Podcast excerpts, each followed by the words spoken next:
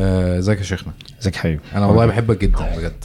وأنا فعلا يعني. ربنا يحبك يا رب. الله يكرمك. آه، أنا يعني كنت بتكلم مع شريف امبارح فبيقول لي أنت هتسجل مع الشيخ أحمد عن إيه؟ فقلت له عن القرآن ورمضان. قال لي يا دي حاجة غريبة قوي هتتكلموا عن القرآن؟ غريبة آه. حاجة غريبة جدا. فسبحان الله أنا فكرت كده اللي هو حاجة يعني حاجة حلوة جدا إن الواحد يبقى معروف إن هو بتاع القرآن. الحمد لله. حضرتك بتفكر في الموضوع ده؟ ما كنتش بفكر لغاية لما حد قال لي نفس الجملة دي. حد قابلني وقال لي جزاه الله خير يعني. قال لي على فكرة أنا أول ما شفتك افتكرت القرآن. فما كنتش رابط ال فحسيت إن هو شرف عظيم يعني الواحد محتاج إن هو ي... يشكر الله على هذه النعمة ويجتهد. ما يبقاش إن هو ناس الله يعني السلام ما يبقاش إن هو بيتكلم وهو أصلا إيه تأمرون الناس بالبر وتنسون أنفسكم. فما قال لي الجملة ما كنتش رابط بقيمتها يعني. مم. زي في فتذكرت إن في ناس أول ما بسمع اسمهم أفتكر البخاري. في ناس تسمع تفتكر سنة النبي صلى الله عليه وسلم في واحد السيره ففعلا يعني دي حاجة ممكن الإنسان بعد كده حتى يطبقها إن هو لما بيركز في حاجة خصوصا لو حاجة ليها شرف عند الله سبحانه وتعالى آه، هي اللي بترفعه. يعني هي دي لأن أغلبنا بيعرف نفسه مش مش مش غلط يعني بس أغلبنا بيعرف نفسه بأمر دنيوي. وبيكتسب الرفعة من ذلك. والله سبحانه وتعالى ذكر الرفعة مع كتاب الله سبحانه وتعالى. بل ذكر إن اللي بيترك الكتاب ولو شئنا لرفعناه بها. ولكنه أخلد إلى الأرض. فربنا اداله الآيات ورفعته هو للأسف ترك هذه الآيات ونزل. ربنا يعافينا يا رب. آه طيب إحنا إن شاء الله بإذن الله رمضان على الأبواب خلاص. ف أنا بيبقى نفسي أعرف آه، الناس اللي أنا يعني ببص لهم إن هم مثلا قدوة أو حاجة. آه، أعرف حالتهم تبقى عاملة إزاي وهم داخلين على رمضان. حاسين بإيه؟ عشان أشوف أنا فين من ده. فحضرتك شايف إيه؟ آه طيب. بسم الله والصلاة والسلام على رسول الله صلى الله عليه وسلم. والله هو آه ممكن يكون الواحد مر ب بمراحل مختلفة. يعني ممكن قبل ما كان الواحد بعيد شوية عن الالتزام كان ما بيحصلوش التوتر كان بالعكس ممكن يحصل له حالة إيه فرح رمضان جاي ويعني حاجة عائلية أكتر. في بداية الالتزام لا الواحد كان بيتوتر. من كتر ما بيسمع الاستعداد لرمضان كنت بدخل في حالة من التوتر خايف تضيع منك أي حاجة. بعد كده الواحد لما قرأ أكتر وفهم أكتر آه، اكتشف إن التوتر ده مش صح وإن الحديث عن الاستعداد لا يستدعي التوتر. بالعكس أحيانا التوتر بيخليك تفقد آه، العلاقة الجميلة مع ربنا. لأن هي مش أولا وأخيرا هي مش بجهدك. فأنت لما بتتوتر أنت داخلها حسابات. وتقعد راح مني كذا واليوم ده كذا. مع إن أصلا رمضان آه، في أبواب للتيسير والرخصة ورحمة الله سبحانه وتعالى. واجتهاد المحب مختلف عن اجتهاد المتوتر. يعني الشخص لما يكون بيحب يحب ربنا بيتعبد يعني حتى لو هو تعبان في الصيام يقول له يا رب أنا أنا هتعبد بعبادة الصبر. ما مش قادر أعمل حاجة. فاكتشفت بعد كده إن برضو كتر الضغط على على وتر إن الناس تتوتر قبل رمضان ده مش صح. لأن هو بعضهم بقى بيتعامل بإيه؟ بيقول اور نون يعني أنا أنا فضل متوتر وإيه ده ما استعدتش؟ خلاص رمضان راح السنة دي. لا يعني كويس. مين اللي قال إن مين اللي قال إنك معانا ما استعدتش؟ طب ما ياما ناس استعدت و... وفي نفس الوقت ده مش معنى الكلام ده إنك أنت ما تستعدش. لا إحنا إحنا بنوازن بس. بنوازن لأن الواحد يعني الشيطان له مداخل شتى للقلب. فإجابة على سؤالك يعني الواحد مر مراحل آخر حاجة الواحد وصل لها إنه يستعد بس ما, ما يتوترش. والاستعداد ده طريقة آه، قدده يعني ممكن استعداد قلبي إنك أنت يعني أقول لك ادخل في ال mood. لأن فعلا طول السنة أنت مشدود تاخد من حاجة لحاجة. أصلا واحد اكتشف إن عدت سنة. أيوه. يعني دي صدمة أصلا. صح. إيه ده عدت سنة؟ يعني ده رمضان ده إيه ده؟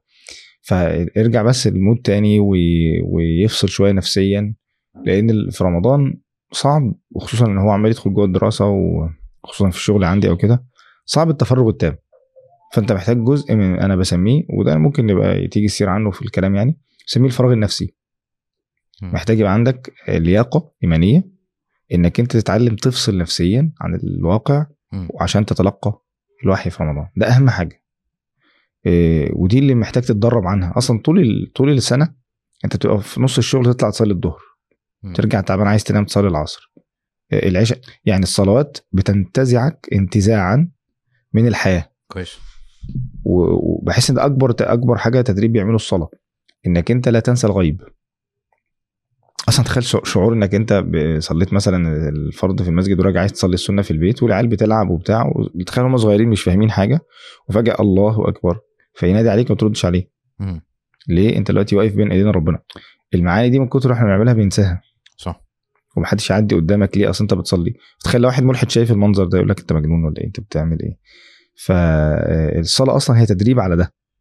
فمع رمضان لا أنت محتاج تعيش الوضع ده أكتر كل ما بتكون في خلوة لأن معاني القرآن معاني ثقيلة. لما بتتلقاها وسط الناس ما بتعرفش تتلقاها صح. مم. في عندك مقاومة. حاطط الناس في دماغك. لما بتتلقاها في وسط الناس يعني إيه؟ يعني مثلا لو إحنا إن صح التعبير يعني حبينا نحاكي ونشابه اللحظة الأولى لنزول الوحي. مم. اللحظة الأولى لنزول الوحي النبي صلى الله عليه وسلم كان في الغار. كان منعزل عن الناس. ربنا اختار له. طب كان ممكن الوحي يأتيه وهو وسط الناس. ربنا اختار له لحظة نزول الوحي. هو منعزل عن البشرية بيتحنث الليالي ذوات العدد. ودي نفس اللحظة اللي سيدنا موسى تلقى فيها التوراة. بعد عن مع إن اللي معاه دول قومه وصبروا على أذى فرعون وخرجوا. بس هو سبقهم وقعد 30 ليلة. وازدادوا كمان 10 40 ليلة. صيام وبعيد عن ال- المجتمع معاني الوحي معاني ثقيلة لما أنت بتتلقاها وسط الناس في حالة من الانشغال في حالة من وبالنسبة لنا بقى مش بالنسبة للأنبياء في حالة من إن أنت معايير المجتمع ضاغطة عليك. ففي مقاومة يعني بيجي لك معنى إن أنت مثلا آه، مطالب إنك تنشر الإسلام إن أنت أصلا خليفة تقوم بمراد الله في الأرض معاني ثقيلة ال- ال- المعاني ال- المجتمع ممكن تخليك ترفض ال- اللي بتتلقاه. أو تزحلقه أو تعمل نفسك مش واخد بالك منه. كويس. فلما بتتلقى المعاني دي بعيدا عن الناس أن تقوموا لله مثنى وفرادى ثم تتفكروا ده مش معناه إنك أنت تفضل منعزل تماما لأ لذلك هي فكرة قيام الليل إنك أنت بتتلقى الوحي بالليل بعيدا عن زحمة الأحداث والدوشة وترجع الصبح تحاول تطبق. ترجع بالليل تكتشف إنك لما تتلقى معاني الوحي إيه ده كان في تقصير. هي دي دورة حياة المؤمن. بالليل بيتلقى الوحي بالنهار يمشي بين الناس. في رمضان بيتلقى الوحي يخرج من رمضان يبدأ موسم الحج. خلاص عرف الحج مع معاني الوجهة. يعني يعني دورة حياة المؤمن هو كده بيتلقى معاني ينزل يطبقها. يكتشف خطأ وتقصيره يرجع يتلقى المعاني. يعني هو ده ده ده حياة المؤمن. بيتلقى معاني الإيمان في خلوة وبعدين ينزل يختلط بالمجتمع. وعباد الرحمن الذين يمشون على الأرض هونا وإذا خاطبهم الجاهلون يعني عايش وفي حواليه ناس جهال وعايش حياته. وبالليل يبيت لنا ربهم سجدا وقياما ويصحى الصبح ينفق ويحاول يوسطنها في الإنفاق. إذا أنفقوا لم لم يسرفوا ولم يقتروا وكان بين ذلك. يعني هو قاعد بيوسطنها إزاي؟ وبعدين ينزل المجتمع يلاقي في ناس بتشرك وبتزني وبتقتل. يعني فهو عايش وسط المجتمع ما انعزلش عنه. بس هو استطاع إن هو ينتزع نفسه انتزاعا في فترات الخلوة دي عشان يتلقى من الوحي. وإلا هم هي هم اللي يأثروا عليه مش هو اللي يأثر فيهم. طب الخلوة دي مقصود بيها إيه؟ أو إيه تطبيقها بالظبط؟ تطبيق يعني زي ما قلنا اللحظات الأولى النبي صلى الله عليه وسلم كان بينفصل عن المجتمع بيروح بعيد خالص ولأنه عايز يغير المجتمع. النبي صلى الله عليه وسلم أصلا كان أياميه في ناس رافضة اللي بيحصل. يعني بعض كانوا بيسمون ال- الحنفاء حنيفا زي زيد بن عمرو بن نفيل كان حنيفا. النبي صلى الله عليه وسلم قال يبعث أمة وحده. زيد بن عمرو بن نفيل ما كانش معاه وسيلة يغير بيها المجتمع. هو كان عارف إن دول غلط. كانوا رافضين قصدي حضرتك ال- الشرك والوثنية. الشرك آه خلاص. وهما بيقولوا إحنا بقايا دين إبراهيم الصحيح. مم. لأن اليهودية حرفت النصرانية حرفت. حتى بقايا دين إبراهيم الحنيفية أدخلوا فيها الأوثان والأصنام. ففي ناس بتقول لا أكيد الأصنام دي غلط. مم. طب إيه بقى آه، آلية الحلول وإيه المنهج؟ ما عندهمش. ما عندوش وحي. لذلك كان عداء المشركين للنبي صلى الله عليه وسلم أكثر من عدائهم. دي قصة لأن النبي أصبح مع منهج بجد. والنبي صلى الله عليه وسلم ما نزلش الواقع غير لما كان معاه الوحي كان معاه المنهج. فالمهم الخلوة النبي صلى الله عليه وسلم حس إن المجتمع فيه خطأ. في حاجة غلط فيروح يتحنث الليالي ذوات العدد يتعبد الليالي ذوات العدد بعيد عن المجتمع. في اللحظة دي أتاه جبريل. طب هل أنا عشان يكون عندي الخلوة دي محتاج أبتعد؟ لا ربنا جعل لك مواسم من رحمة ربنا سبحانه وتعالى. لو أنت عارف كان بيقول لك لو ربنا واحد كان بيقول لو ربنا قال صلوا خمس صلوات ما حددناش وقتها. كلنا هنيجي آخر اليوم بالليل نخبط الخمس فروض ورا بعض. فمن رحمة ربنا إنه يضبط لك مواعيد عبادتك أصلا. مم. فلو كان ربنا قال لك اختار لك شهر في السنة ركز فيه شوية في تلقي الوحي واعتزل شوية عن الناس في آخر 10 أيام كان أغلبنا هيلف السنة ثلاث أربع لفات وهو لسه عامل كده. فربنا اختار لك الليل واختار لك الشهر رمضان. وقال لك حاول تنعزل عن الناس قوم الليل لوحدك. كويس. وفي رمضان حاول تجتهد إنك أنت مع بداية رمضان لغاية لما توصل لآخره فترة الخلوة بتزيد لغاية لما بتوصل أعلى حاجة في الاعتكاف. كويس. فلو أنت نجحت في ده أهو ربنا اختار لك أهو على المستوى اليومي الليل قدر ما تصور ولو ربع ساعة على مستوى السنوي الشهر رمضان وخليه آخر 10 أيام. النبي صلى الله عليه وسلم وهو من هو؟ صلى الله عليه وسلم اعتكف ال 10 أيام.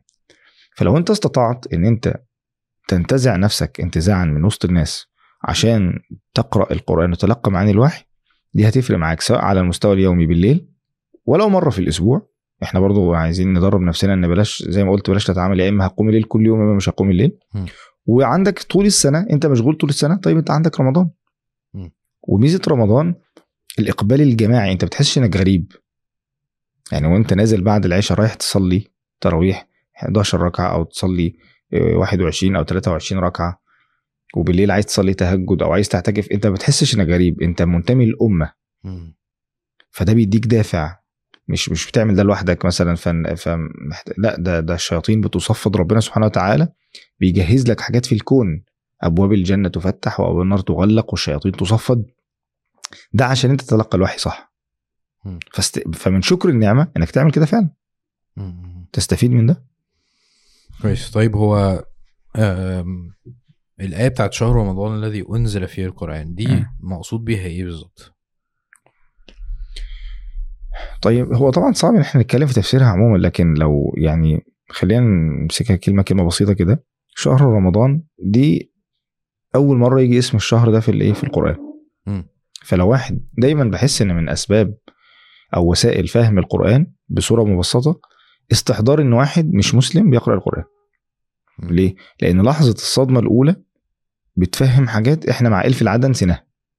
زي بالظبط اللي عايز ينبهر بالكون بيقول له تخيل واحد مش مش من عالم الأرض ده من, من كوكب تاني وأول مرة يجي الأرض. هتلاقيه بينبهر بأشياء أنت بالنسبة لك عادية. و- ولذلك أنا بحب أتابع قصص ال- المسلمين الجدد إن هو بيلتقط حاجات في القرآن هي عدت علينا أصلا. صح. فلو واحد أنا أول مرة أقرأ ماشي ماشي ماشي فجأة شهر. إيه ده؟ يعني ربنا هيكلمنا عن أنواع الشهور. لا ده اختار شهر معين. طب شهر رمضان. شهر رمضان الذي الذي اسم موصول هي ده بيفيد التعريف هيعرف لنا.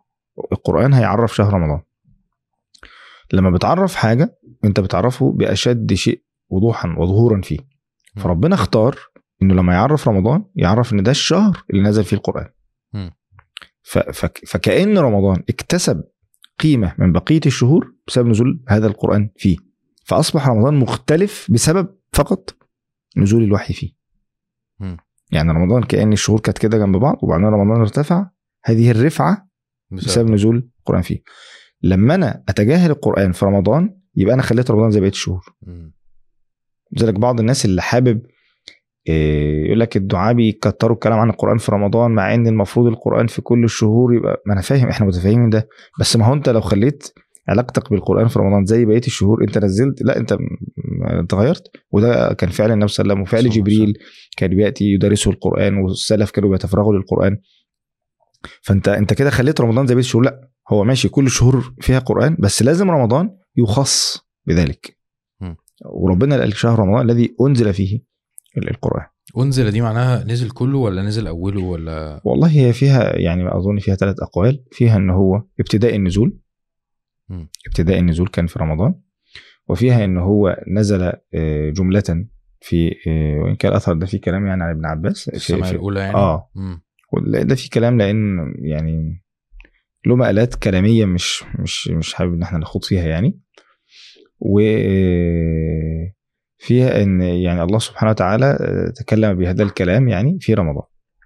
فايا كان يعني ممكن مسألة ابتداء النزول إن النبي صلى الله عليه وسلم لأن اللي قال القول ده قال إن النبي صلى الله عليه وسلم كان أصلا بيعتكف في رمضان حتى قبل مم.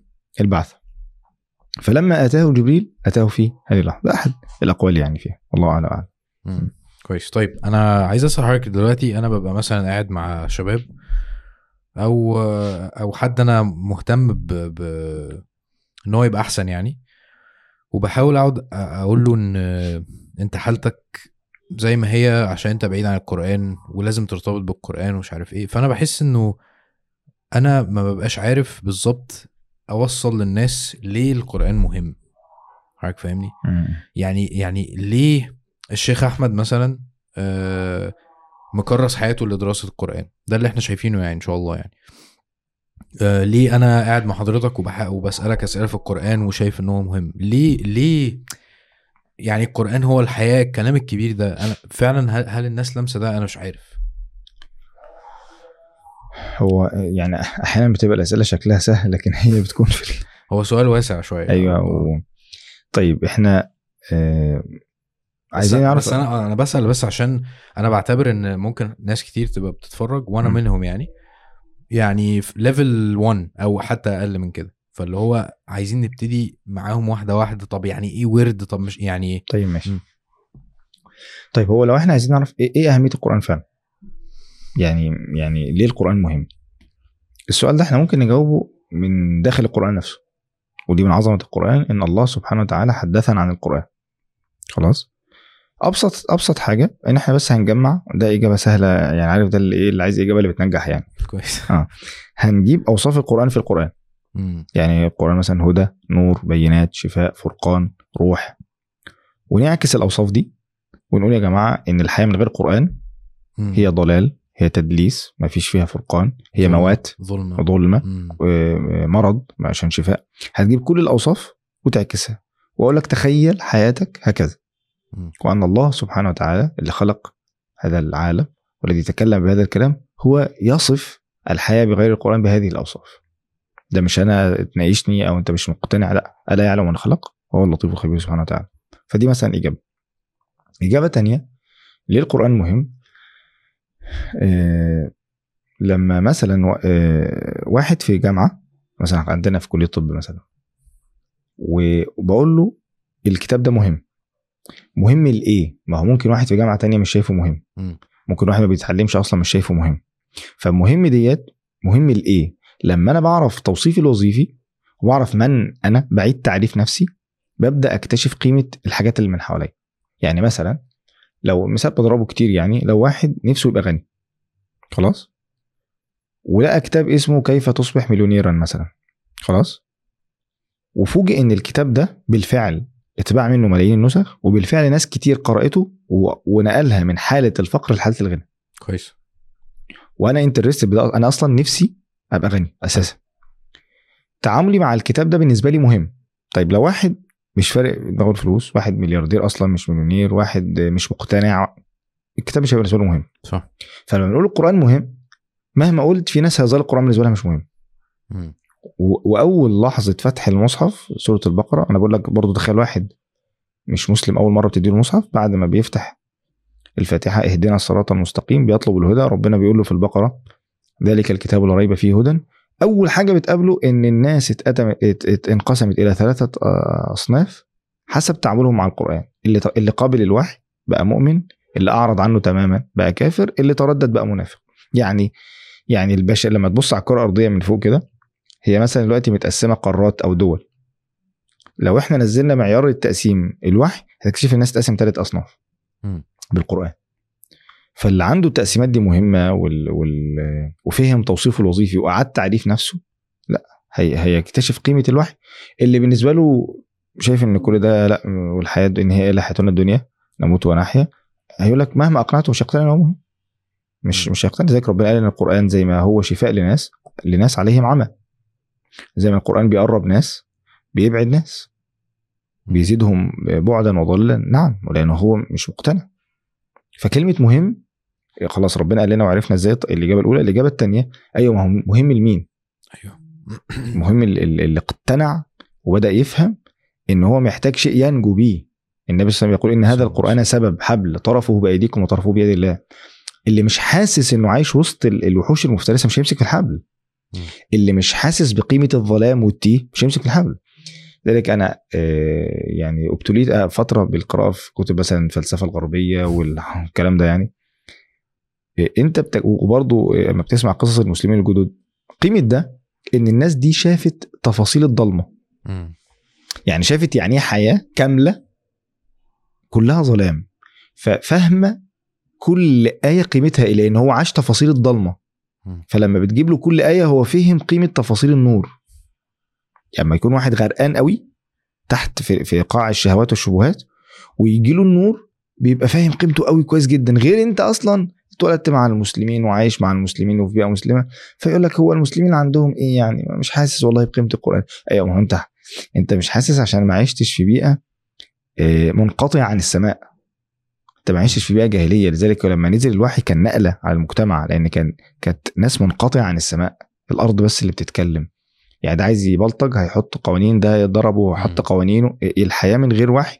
آه، لذلك أنا درس اسمه ماذا لو غاب القرآن؟ الحياة من غير قرآن عاملة زي مثلا إيه؟ أنت ماشي في صحراء ومعاك خريطة ومعاك معالم. فجأة واحد شال كل المعالم دي. يعني أنا بسمي عارف كنت عايز أعمل حلقة ارد على موضوع آه، ألمانيا والشذوذ وكأس العالم والجو اللي حصل ده. اسمه آه، عالم بلا ألوان. فكرته مش عالم بلا ألوان الألوان بتاعتهم لا هو أصلا القرآن هو اللي بيرسم المعالم للحياة.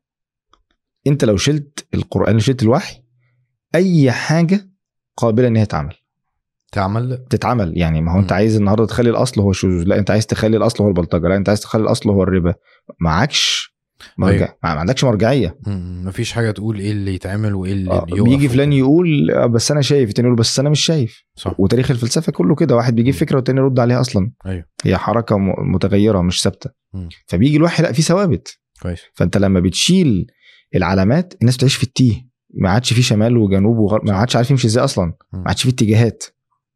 فأي حد ممكن يمشي في أي حاجة يطلع حضارة معينة تقول الاصل مثلا الشيوعية أو الاشتراكية الناس تمشي وراها. بس معلش حضرتك بتقول إنه ده إن ده القرآن هو اللي بيعمل كده. هو القرآن هو اللي بيعمل كده ولا الدين هو اللي بيعمل كده؟ ولا هما الاثنين واحد؟ طيب إحنا دايما أنا بحب أجاوب إيه من ورا قوي. يعني يعني من لحظة مثلا نزول سيدنا آدم للأرض. هو سيدنا آدم لما كان في الجنة ربنا كان بيخاطبه. طب هو نزل الأرض.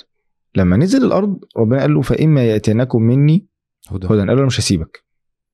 يعني انت في الأرض محتاج توجيه. هتتصرف إزاي؟ الهدى ده هو استمرار الوحي. مم. يعني ربنا ما سابش البشرية من غير وحي. خلاص؟ سيدنا آدم نزل ودي برضو ممكن نبقى ن- سيدنا آدم نزل معاه الفطرة ومعاه العقل ومعاه الوحي. الثلاثية دي طب ما هو الوحي مش كفاية؟ لا ما هو الوحي هي, هي محدود الآيات. فهيقابله حاجات إزاي يعرف يقيس الحاجات اللي هتقابله. وده ماشي. ممكن نبقى نتكلم في حاجة اسمها الاعتبار. الوحي فضل مستمر نزلت لغاية لما نزل التوراة. ونزول التوراة كان علامة فارقة في التاريخ البشرية. ليه بقى؟ لأن أنت حتى ما تيجي تقرأ القرآن تجد إن كل الأنبياء اللي ذكروا قبل سيدنا موسى ربنا بيجيب لنا قصة إن هم كانوا مستضعفين. وفي ناس بيحاربوهم مشركين. بعد كده النبي مثلا يدعي أو يحصل حاجة يجي عذاب يموت دول وربنا ما يقولناش الناس اللي نجت عملوا إيه. مم. يعني إيه المنهج اللي كان معاه طبقوا إيه ما يقولناش. ده ما حصلش غير لما بعد إهلاك فرعون نزلت التوراة. لذلك بعض العلماء بيقول وده مروي عن النبي صلى الله عليه وسلم يعني ان صح، صح. إن من بعد نزول التوراة ما عادش فيه عذاب عام خلاص. أمال طب المشركين إيه اللي هيحصل لهم؟ أنت روح جاهد أنت معاك وحي. أنت روح جاهده آه. تمام اللي مع الوحي. ماشي. آه أنت خلاص معاك أدواتك ما عدتش محتاج بقى ان تنزل ينزل لك من السماء عقاب عام يموتهم. لا ده, ده دورك أنت. طب الكعبة تهدد ده دورك أنت. ما, ما بتستناش عقاب عام عام. مش خاص ممكن بعض الأقوام ينزل عقاب خاص عليهم. مم. بس عقاب عام يموت المشركين زي ما كان بيحصل. ده مش هيحصل. فالتوراة علامة فارقة. إن أنزلنا التوراة هدى ونور. يحكم بها النبيون الذين أسلموا والربيون والأحبار بما استحفظوا من كتاب الله.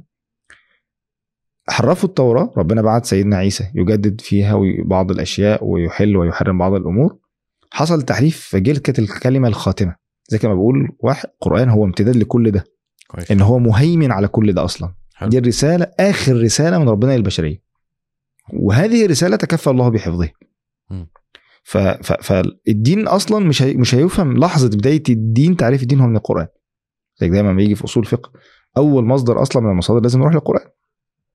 وبعد ما نروح للقران القرآن دلنا على النبي صلى الله عليه وسلم فأنا بقول القرآن أيوه هو هو الدين لكن المصدر الأساسي اللي نقل البشرية دي كلها لأن النبي صلى الله عليه وسلم كان قبل ال- الو- البعثه كان اسمه بيلقب إيه؟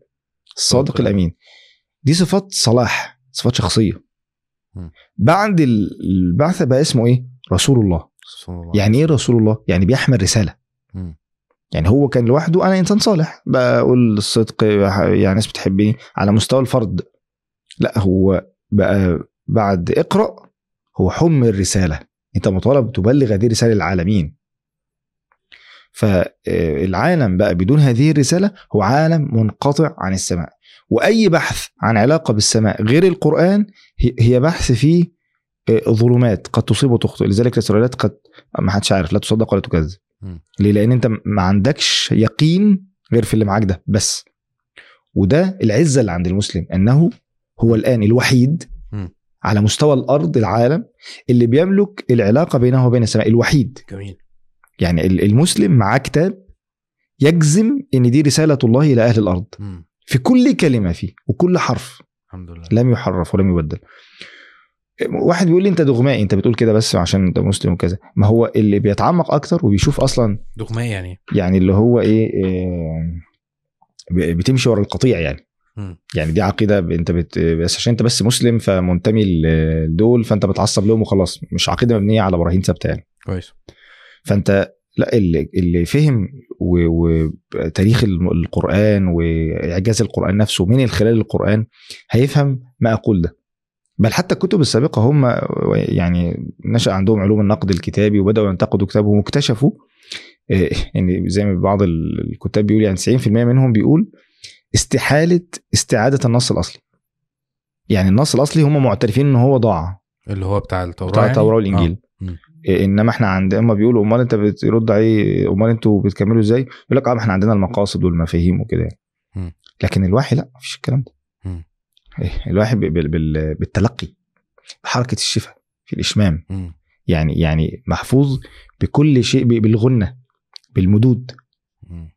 يعني فأنت اعتزاز المسلم بده إنه هو عايش على الأرض متصل بالسماء ودي كانت حاجة عند الصحابة كبيرة لذلك لما أبو بكر وعمر بكوا لما كان بيزوروا أم أيمن وام أيمن بكت فقالوا ما تبكين؟ أما تعلمين أن ما عند الله خير لرسوله صلى الله عليه وسلم؟ قالوا نبكي على انقطاع الوحي. قالت أبكي على انقطاع الوحي. سبحان الله.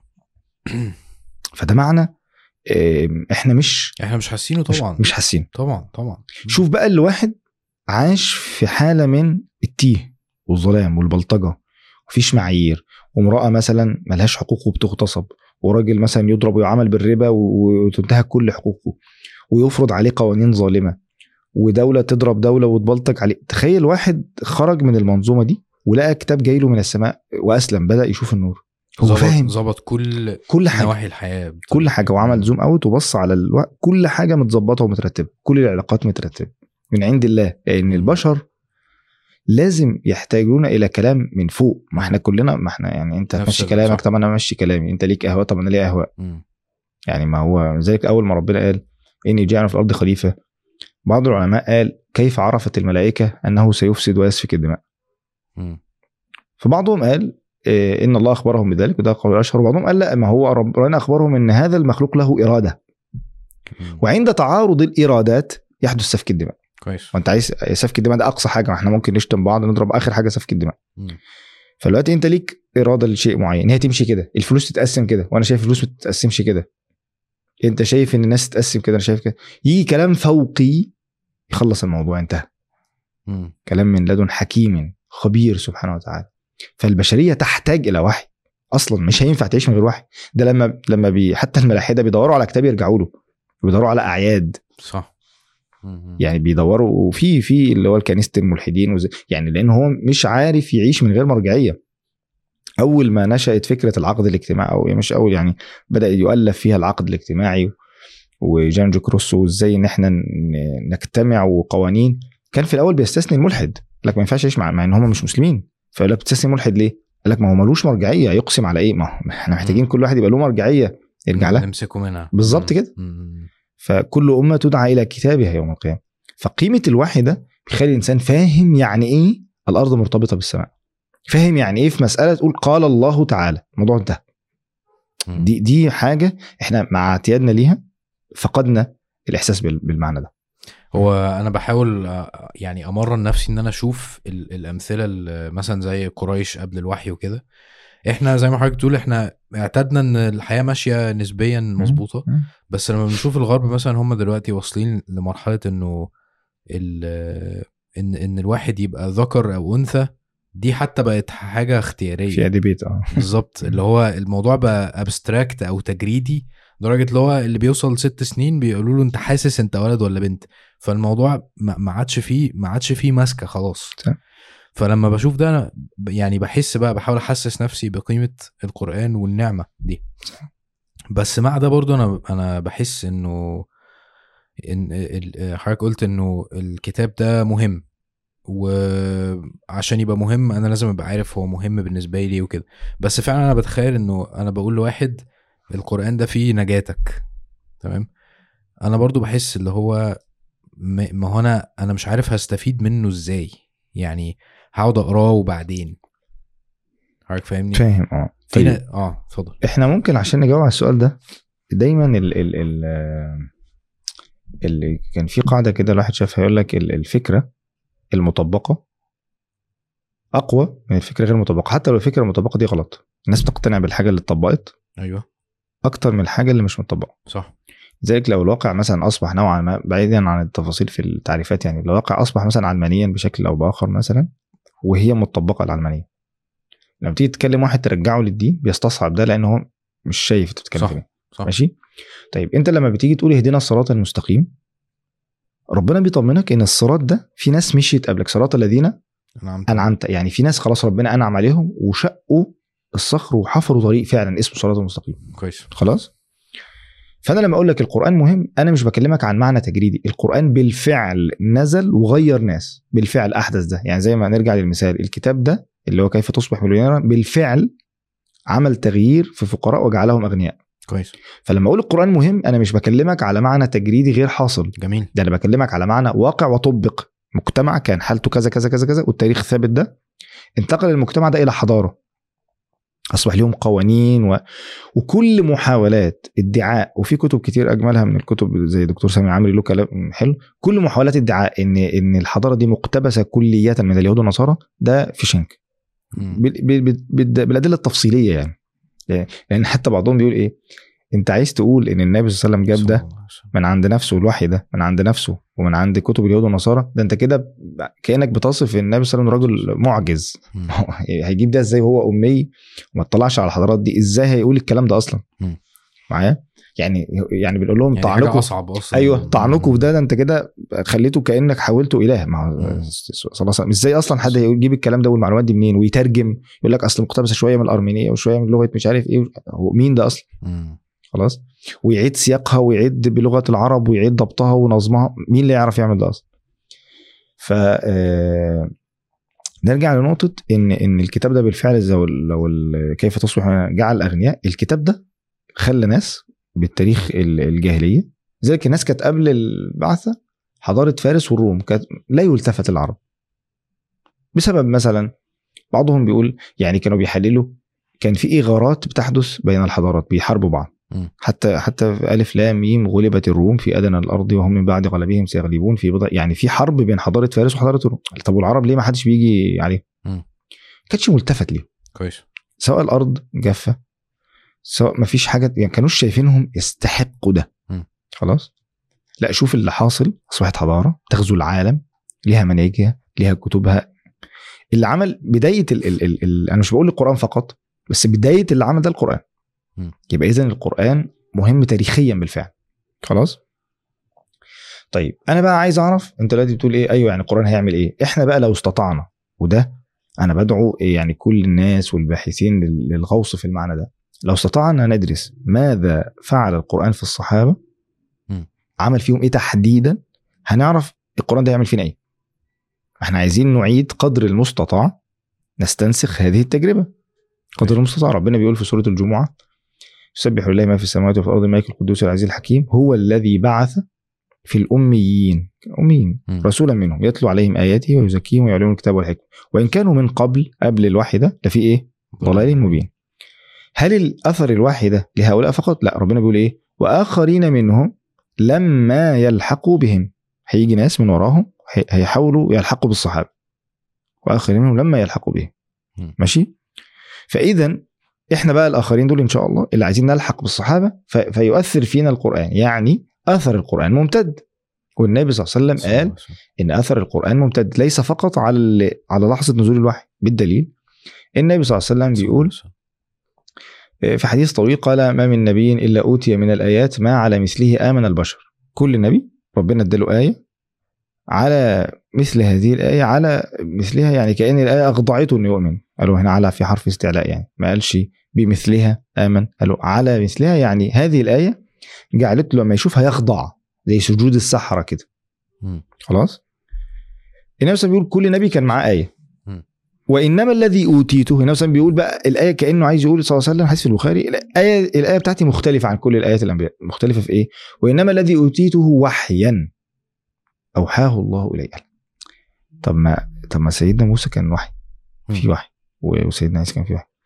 فقالوا إن إن سيدنا موسى كان معاه وحي اللي هو التوراة ده الهداية وكان معاه آية أو يعني ما بحبش أستعمل لفظ معجزة لأسباب يعني بس خلينا نقول آية أو معجزة اللي هي العصا. ماشي. فكان في انفصال بين المعجزة والهداية. جمعا في القرآن. كويس. يعني القرآن هو كتاب الهداية وكتاب. المعجزة. كويس. يعني هو كتاب التحدي والهداية في نفس الوقت. مم. فالنبي ده بيخلي أثر القرآن قد يكون قليلا في لحظة نزوله لكنه ممتد مش مرتبط بالشخص. يعني عصا موسى مرتبطة بسيدنا موسى. مظبوط. ناقه صالح مرتبطة بسيدنا صالح مرتبطة به. صح إحنا ما فيش اثر علينا منها. أيوه. مم. أو عشان تشوفها محتاج يبعث النبي. أيوه. محتاج يبعث مرة أخرى. لكن النبي صلى الله عليه وسلم بعد. وفاته صلى الله عليه وسلم أثر القرآن ممتد. صح. فقال لذلك النبي ختم الحديث وإنما كان الذي أوتيته وحيا أوحاه الله إلي فأرجو لأجل هذا أرجو أن أكون أكثرهم تابعا يوم القيامة. يعني إيه؟ أرجو أن أكون أكثرهم تابعا. يعني هيبقى أكتر واحد معاه أتباع هو النبي آه، صلى الله عليه وسلم. لأن دي آية ممتدة. آه كويس. مش آية زمنية. مم. لا. إنه بسبب القرآن هو بيرجو صلى الله عليه وسلم. بيرجو ده يعني. عشان هو آيته وحي أيوه. مش آية حسية مم. آيته وحي. إيه، تخيل لو كانت آية النبي صلى الله عليه وسلم انشقاق القمر فقط. مم. طب خلاص اللي ما شافش خلاص يا جماعة. صح. يبقى يبقى دعوة النبي صلى الله عليه وسلم كانت محصورة. في, في الشوية اللي شافوا فقط واللي شاف مسلم واللي ما شافش كافر أو اللي شافه أنكر كافر يعني واللي شافه آمن مسلم خلاص لا. لا وبعدين هي قصة بتتقال وخلاص أنت بتحس بحاجة في وقتها مفيش حاجة تعيش بيها مفيش بالظبط. فرق كبير جدا يعني. لذلك النبي صلى الله عليه وسلم لما اراد يبعث مصعب المدينة ما بعتش معاه عصا ما بعتش معاه خلاه بالوحي اللي في صدره. بل هو آيات وبينات في صدور الذين أوتوا يعني لما كان بيبعث الناس كان بيبعثهم بالقرآن اللي في صدرهم ويروح يدعو الناس ما بيقولوش هذه عصا بتفعل لا كان يقرأ عليه مم. القرآن. ما دي حاجة غريبة جدا أنا ما أعرفش إحنا إحنا في إحنا في نفس الحالة دي ولا لأ؟ يعني إحنا الناس دلوقتي ممكن نعمل معاها كده نقرأ قران يتأثروا بالطريقة دي؟ ما هو إحنا دورنا لذلك يعني حتى إحنا عندنا لما جينا نعمل موقع نقرأ القرآن عايزين إيه حد بدأ أنت عارف الايه ال vision وال mission والجو ده الواحد ما كانش بيفهم في الحاجات دي قوي فما كان يقول لنا إيه يعني أنت عايزين إيه؟ مم. فكان الغرض حتى مكتوب كسر الحواجز بين الناس وبين القرآن. كويس. لأن أنت مش هتعرف تف- مهما فسرت القرآن ومهما عملت لأ أنا عايز أربطهم ببعض عايز أوصل دي بدي. مم. ده أنت لو نجحت خلاص أنت كده لذلك النبي صلى الله عليه وسلم بيقول إيه في الله. اللي بيطلع يخطب الجمعة. اللي يطلع يخطب الجمعة بيقول كلام وبعدين ينزل يصلي صلاة جهرية. مم. ماشي؟ فالنبي صلى الله عليه وسلم بيقول قصر الخطبة وطول الصلاة مئنة من فقه الرجل يعني جزء من فقه إن الرجل الفقيه سبحان الله. اللي يقول كلام قليل ويقرأ قرآن كتير. جميل جدا. خلاص؟ المجتمع بقى إحنا قياسا نقول المجتمع الفقيه اللي هيحتاج كلام قليل ويسمع وحي كتير. م. لو إحنا استطعنا إن إحنا نقلل كلامنا ونربط الناس ب- باكتر من الوحي أنت كده أصلا بتحاول ترجع للنقطة الأولى ما هو كان زمان الكلام عندهم قليل بس كان أغلب الوقت مع المصحف. مم. انت لو نجحت انك تربط أو انت ترتبط بالقرآن انت مسكت في السبب اللي هيطلع بيك فوق مباشرة. كويس. لكن في حواجز أقيمت كتير صح. بيننا وبين. الوحي. تقريب المسافة وكسر الحواجز أكبر خدمة يقدمها يقدمها الإنسان. لأن إحنا نريد أن يرتبط الناس بالنص لا بالشخص. مم. الهدف إن الناس ترتبط بالنص بالنصوص مش بالأشخاص. لأن الأشخاص بيموتوا. صح. بيتغيروا. بل بل أفضل شخص صلى الله عليه وسلم خير من يعني سار على الأرض صلى الله عليه صلى وسلم الله عليه وسلم. لما مات أقرب الناس إليه الصديق مع إن دايما اللي بيموت أكتر واحد قريب منه أكتر واحد بيزعل عليه. م. يعني لما حد بيموت الناس بتصبر القريب منه. طبعا. مش العكس مش اللي قريب هو اللي بيصبر. سبحان الله. أكتر واحد قريب هو اللي وقف يصبر. إيه ده عملها إزاي دي؟ سبحان الله. يعني طبيعي جدا إن أكتر واحد متأثر النبي صلى الله عليه وسلم يقول ذهبت أنا وبكر وعمر وخرجت أنا وبكر وعمر. والخليل واللي كان معاه في الغار والهي. يعني مجرد بس انه يقعد يفتكر الأحداث دي تخليه ينهار أصلا في صح. اللحظة دي. وأكتر واحد إحنا نشفق عليه لو بنسمع القصة. إحنا لو قاعدين أول حد هندور نطبطب عليه هو الصديق. مم. تخيل هو اللي يقف ويصبر الناس. صبرهم بماذا؟ بآية. وما محمد إلا رسول بالوحي لأن النبي صلى الله عليه وسلم نجح إنه يربطه بالنص. نجح إنه يربطه بالوحي. فنجاح أصلا الداعيه أو المربي مش إنه يربطه بالأشخاص. لذلك ربنا قال الربانية إيه يعني إيه أكون رباني؟ سواء إنك أنت مرتبط بالله أو رابط الناس بالرب. إزاي؟ ولكن كونوا ربانيين بما كنتم تعلمون الكتاب. وما كنتم تدرسون. يعني كل ما تستطيع تعلم الناس الوحي كل ما أنت بتلغي شخصيتك. كويس جدا. مش أنت بتدخل أفكارك لا أنت قدر المستطاع بترجع لورا وتربط الناس بهذا الوحي. تمسك هو بالقرآن هو بيوصل بقى. صح.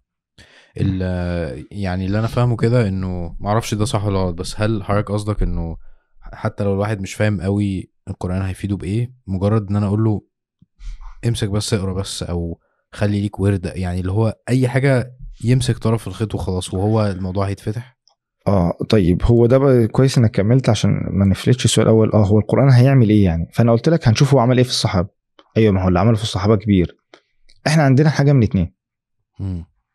يا إما ندرس بالظبط تفاصيل القرآن عمل إيه في الصحابة ونحاول نعمل ده أو زي ما أنت بتقول ما هو أنت لو مشيت هتوصل. إحنا عندنا قاعدة بتقول يعني هحاول أبسطها إن إن ال- الكليات ال- المباني الكلية بتتبنى من جزئيات صغيرة. كويس.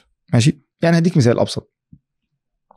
ممكن واحد آه، يرى بعض المجتمعات إن هي منتشرة فيها العلمانية إن الدين معزول عن الحياة.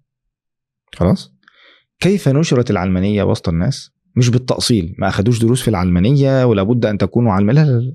عاشوا حاجات كتير صغيرة بعيد عن الدين. كويس. يعني عاش الشغل ما فيهوش فيه دين ما فيش وقت للصلاة.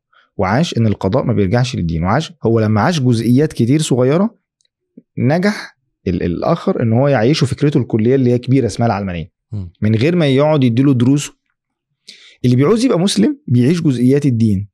اللي عايز يقرب من اللي عايز القرآن يغير فيه هيتبنى آية آية آية آية يكتشف مع الوقت إنه اتغير وهو مش واخد باله جميل طيب القرآن عمل إيه بقى في الصحابة؟ تخيل إيه، طبعا دي محاولات يعني لكن أنا شايف إن الموضوع محتاج أب- أبحاث كتير يعني. أول حاجة أنا شايف إن بالنسبة لي أنا كانت صدمة يعني حاسس إن القرآن عمل للصحابة هو إنه غير المفاهيم أصلا. يعني إيه غير المفاهيم؟ عارف لما تكون بتنزل Windows جديد مم. يعني يعني هو application أو حاجة بيقرأ بيقرأ ال ال ال ال ال الحاجة بقراءة ثانية تماما. تماما أو تعبير حتى أنا أفتكر كنت قلته معاك قبل كده في اللقاء اللي هو. النضارة القرآنية مم. هو كمان عايز أقول إيه هو أعمق كمان من فكرة النضارة هو هو جهاز مفاهيمي جوه جواه خلاه ينظر للسماء وللناقة وللمؤمن وللناس وللأرض. بصورة مختلفة تماما عمل له صدمة. من من أول من أنا يعني من أنا ومن الناس وإيه دوري واللي بيموت وده إيه؟ ده إيه؟ إيه, إيه تعريف ده كله؟ قعد له تعريف كل حاجة. صح. فأنت متخيل صدمة. إن في مؤمن في منافق في كافر في جنة في خلود في لحظة إيه لحظة سيدنا آدم إني جاعل في الأرض خليفة. إيه دوري؟ أنا هدفي إيه؟ طب اللي بيموت؟ طب في في حاجة حاجة اسمها مات غلط. طب في حاجة اسمها لو كنت قعدت في البيت ما كنتش مت طب في حاجة كده طب يعني أنت متخيل تساؤلات ال... ال... لما السؤالات دي ما- فيش فيها إجابات؟ الناس بتقعد تحاول وده موجود في جزء من الفلسفة الناس بتحاول تجاوب لأن هي أنت بتبحث فطرتك عن البحث عن هذه الإجابة. لذلك من الكتب اللي بدأت تنتشر مؤخرا أو مش مؤخرا من بقالها سنين البحث عن المعنى للحياة. ناس بتمل. سبحان الله. الناس مش لاقية يعني مم. يعني حتى اسمه إيه ده لما في كذا مدرسة في مدارس علم النفس أغلبها كانت طالعة من النمسا يعني منهم. المدرسة الثالثه كان فرويد وأدلر وبعد كده الثالث اسمه فيكتور فرانكل. فيكتور فرانكل ده لما فكر قال لك أنا اعمل logotherapy العلاج بالمعنى. مم. وله كتاب اسمه العلاج بالمعنى وله كتاب لسه كان لسه مترجم حديثا اسمه صرخة من أجل المعنى. حتى بيجيب دراسات ان إن المجتمعات المترفة الفارغة لقى إن فيها نسبة الاكتئاب أعلى. نسبة الإيه؟ الاكتئاب أعلى الاكتئاب آه آه. وعمل استبيانات كتير بأرقام كتير اللي عايز يرجع للكتاب يعني لقى إن الناس دي مش عارفة هي عايزة إيه مم. فبيحصل حاجة في حاجة ناقصة زي الإنسان زي ما قلت برضه أنا في درس هو أجوف مم. في حاجة عمال يدور عاي- عايز يملاها مش عارف. فيركب دي مش دي اللي بتملاه يركب دي مش دي اللي بتملاه يركب الشهوة مش دي اللي كافية قاعد بيدور في حاجة ناقصة وقاعد ذهنيا يبحث القرآن بقى لما نزل على الصحابة تخيل فجأة جات لك الإجابات دي. شيء عجيب جدا. غيرت لك كل حاجة صدمة. مم. يعني زي بقول لك إحنا مشكلتنا إحنا إيه في العادة؟ مخلينا آه، آه، مش حاسين. اللي عاش في ظلمات الشهوات والشبهات وعايش حياة بدون معنى. ويفتح المصحف واحد كان بيقول لما فتح المصحف يعني إيه؟ لا ريب فيه. أي بيبر دلوقتي عليها استدراك وفي يعني إيه؟ مفيش آه، نسخة تانية ويعني إيه؟ يعني يقول لك إيه الثقة دي؟ يعني هو يعني القرآن هاجمه بيقول له انت مش هتطلع غلطة. بيقول إيه التح... إيه ده. إيه هو القرآن بيعمل ليه كده؟ يعني القرآن بيتفاعل معاك تفاعل عجيب. فالصدمة دي إن القرآن عمل تغيير مفاهيمي لكل المفاهيم اللي كانت عند الصحابة قبل البعث كل حاجة. إعادة تعريف. حتى أخوه. يعني هو كان عنده ترتيب الأولويات. القبيلة اللي مش عارف إيه. لا القرآن قام جايب الدين خلاه فوق. وساب الترتيب زي ما هو. وقال له لا تجد قوما يؤمنون بالله واليوم الآخر يوادون من حد الله ورسوله. ولو كانوا. قال لا. يعني يعني ترتيب الأولويات عندي اختلف آه. وقال له في حاجة اسمها شيطان. وأعلى عداوة عندك الشيطان وبعدين حزب الشيطان. رتب له العداوات أصلا. رتب له الأولويات في حياته. فواحد فجأة مفاهيمه اتغيرت. واحد خلاه واحد عايش بيتعامل مع الملائكة. بيتعامل مع عالم اسمه عالم الملائكة. سبحان الله. يعني بي حتى في طبعا أنا بقول القرآن القرآن بمعنى القرآن والسنة والدين. يعني لأن إحنا قلنا الأصل القرآن. تيجي تدرس عالم الملائكة في القرآن وفي السنة. ده عالم. يعني مثلا يبقى قاعد مجلس فيجي واحد يشتم حد قاعد فما يردش. يشتمه تاني ما يردش فبدأ يرد فالنبي عليه قام. فبيقولوا له أنت قمت ليه؟ قال الملائكة قامت. أنت أنت متخيل واحد عايش مع عالم الملائكة قامت فأنا قلت أمشي. ما, ما اللي ياكل بصل ما ينزلش يصلي ليه؟ عشان بس ما الملائكة ما تأذاش. الملائكه فين الملائكة؟ أنا بقول لك دايما استحضر إن في واحد ملحد قاعد جنبك يقول لك أنت مجنون. يعني إيه اللي أنت بتعمله ده. أنا أنت عايش عيشته عالم أن السماء بإذن الله. وأن الشمس دي تتحرك بأمر الله تسجد تحت العرش بإذن الله سبحانه وتعالى. وإن ما تسقط من ورقة إلا يعلم. أنت متخيل القرآن تغلغل معاه لغايه فين؟ مم. لغايه إنه ماشي كده لقى ورقة بتسقط إلا يعلمها سبحانه وتعالى. ولا حبة في ظلمات الأرض ولا رطب ولا يابس إلا في كتاب مبين. الصدمة دي خلته يواجه العالم. هو لو هو لو حد كان عمل له لو كان في أياميها social media ولسه بادئ الوحي ينزل. وبدأوا يكتبوا. الحقيقة يا جماعة في خمسين واحد في بلد اسمها مكة غريبة قاعدة في الصحراء بيقولوا هيغيروا البشرية. يا جماعة حد يعقله. كويس. تخيل الصدمة. مم. و- و- وتلاقي بقى كوميكس عليه يا جماعة ده بيقولوا ال 50 واحد اللي في مكة عندهم منهج للبشرية. الناس دي وت- ويتحفل عليهم. وده اللي كان بيحصل أكيد صح. والمنافقين ذلك قالوا إيه؟ إيه، إنتوا إنتوا إيه، إنتوا مغترين ليه؟ غر هؤلاء دينهم. دي بيقول له انت انت انت, انت مغرور في نفسك ليه؟ انت هتعمل إيه؟ انت مش هتعمل حاجة أصلا. أنتوا أنتوا شوية. تخيل ده. إيه، إيه، بيتلقى آيات تبارك الذي نزل الفرقان على عبده ليكون للعالمين نذيرا. بعضهم حتى بيقول لك إيه؟ حتى الأذى لما بالليل يقرأ تبت يدا أبي لهب وتب. القرآن كان بيغذي نفسيته. حتى اللي أذاك أنت هت- تعرف تقاومه. فالقرآن عمل نقلة عجيبة. على مستوى المفاهيم على مستوى الماضي هو كان تعريفه نفسه إنه بينتمي لقبيلة كذا أو معركة كذا أو أصبح سابي عند كذا لا لا لا. كلكم آدم وأنت أصلا ليك توصيف وظيفي. عمل له توصيف وظيفي. أنت رقم واحد خليفة قبل ما تبقى إيه، مقاتل أو مهندس أو طبيب. أنت رقم واحد أنت خليفة في الأرض تقوم بمراد الله في الأرض. الصدمات دي خلته يغير مساراته كلها. لذلك لما نقول القرآن مهم هو القرآن مش لازم يعمل لك اللي انت عايزه لا هو القرآن هيغير في ال- في طريقة تفكيرك كلها في الأساسيات مم. انت لو الأساسيات دي اتغيرت هتلاقيك بدأت تتحرك في ال- في الجزئيات صح آه، طيب هو في حتتين. نوروا عندي آه، بسبب الكلام ده آه، أول حتة يمكن إنه ماشي القرآن هو هيغيرني وكده بس أنا حاسس إن أنا يعني مثلا آه، أنا بتيجي في بالي قصة إنه مثلا حد ما كانش مسلم وبيحاول إن هو يشوف القرآن ده بيقول إيه فراح فاتح القرآن بشكل عشوائي على صفحة فراحت مجاوباله على التساؤل اللي عنده فأسلم. فشوية أنا بحس إن يمكن القرآن عندنا إن أنا محتاج أفتحه بطريقة عشوائية وأنا عندي مشكلة وهيجاوب لي على المشكلة. حاجة مباشرة حاجة يعني فيها مصلحة حاجة براجماتيه حاجة واحد زائد واحد يساوي اتنين. فاللي حضرتك بتقوله مختلف عن ده. فأنا عايز أقرب التصور التصور عايز أبقى فاهم عشان ما أتعاملش مع القرآن بطريقة غلط. فهمت. فاهمني. طيب بص. هو في هنا نقطتين. النقطة الأولى إن لو فتحت القرآن عشوائي هوصل برضه. ليه بقى؟ مم. إن القرآن ربنا قال عليه مثاني. يعني مثاني يعني في معاني مركزية أساسية بتتكرر. ماشي. فأنت المعنى الأساسي اللي أنت محتاجه هتلاقيه في سوره الأنعام وهتلاقيه في سوره الرعد وهتلاقيه في المفصل. تمام؟ جميل جدا. حلو. طيب. بس أنا أصلا كنت داخل عشان مشكلتي أنا داخل براجماتيا زي ما أنت بتقول ببحث عن مشكلتي. مم. اللي هيسيب نفسه القرآن القرآن هيعمل فيه حركة غريبة بقى جدا. هيضحك عليه. القرآن هيعمل فيه إيه بقى؟ هيغير له همومه. حلو دي مش همومك أصلا. أيوه فهمت. هي فك... يعني أنت داخل مثلا عارف أنت لما بتيجي إيه, إيه تعيط أنا بتاع دي اتكسرت. فواحد يقول لك اتكسرت إيه يا ابني؟ الموضوع أكبر من كده. ما تتكسر يا حبيبي. خد عشرة غيرها اللي اتكسر عارف ابنك يجي زعلان عشان حاجة تافهة؟ فأنت بت... بتعمل له zoom out فبيبدأ إيه ده؟ ده أنا ده أنا كنت تافه قوي إيه اللي أنا عملته ده؟ هو القرآن بيعمل معاك كده؟ جميل حلو جدا. أنا أفتكر في مرة آه، كان في أحد الإخوة عنده مشكلة في الرزق بقاله فترة. وعمال يشتكي لي وفي كذا في كذا. فقلت له طيب إيه؟ آه تعالى بس نصلي ركعتين وبعدين نتكلم في المشكلة.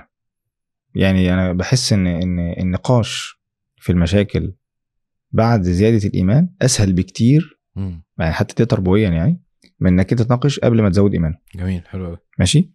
فأخ جزاه الله خيرا كان معانا قلت له ما تصلي بينا ركعتين. فالأخ ما شاء الله ماراثوني. ما شاء الله يعني. خد صلى بيه الاسراء وطه أو الإسراء ومريم وطه ثلاث صور فخلصنا طبعا ما شاء الله طول يعني. فبعد ما خلصنا فبقول للأخ آه، يعني إيه بقى المشكلة؟ اي لأ مفيش مشكلة. يعني يعني عارف إيه؟ مفيش مشكلة. يعني أنت مش عايز تعرف الأشكال دي تاني ولا مفيش مشكلة بجد؟ يعني فهمني. يعني, يعني لو لو الأخ ده مزعلك إن اي لا لأ بجد مفيش مشكلة. قلت له ليه مفيش مشكلة؟ قعد يجيب لي آيات إزاي الآيات دي خدته. بره مشكلته الصغيرة دي ورتبت له دماغه تاني فعرف حجمها عرف حجمها. لذلك القرآن كان ليا درس اسمه استعادة الثقة في القرآن. كانت فكرته مم. إن إحنا مثلا إيه, إيه أنا برضو عمال أقول إيه إن هذا القرآن يهدي للتي هي أقوى من القرآن بيحل مشاكلنا في كل شيء. فيجي واحد يقول لك طب يا عم هات لي الليبرالية في القرآن. مم. أنت بسذاجتنا معتقد ان أنا هكتب الليبرالي إيه ده مش موجود آه القرآن ما بيحلش المشاكل الاجتماعية. لأ. هو القرآن بيعيد ترتيب دماغك كلها أصلا خالص بينزل لك ويندوز جديد مم. تماما فبتعرف أحجام كل حاجة مم. فأنت مشكلتك اللي أنت داخل بتدور عليه لو أنت سبت نفسك لذلك في أثر يعني وإن كان في ضعف دور مع القرآن حيث دار. سيب نفسك للوحي هتكتشف إن القرآن بياخدك ويفسحك.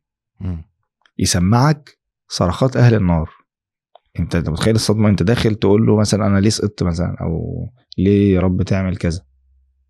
هقول لك على حاجة. أنا إيه، موضوع الزلزال اللي حصل. في سوريا وتركيا أثر فيا جدا. سبحان الله كنت في عمرة وبعدين قلت إيه أنا عايز أبحث في القرآن يعني عايز إجابة.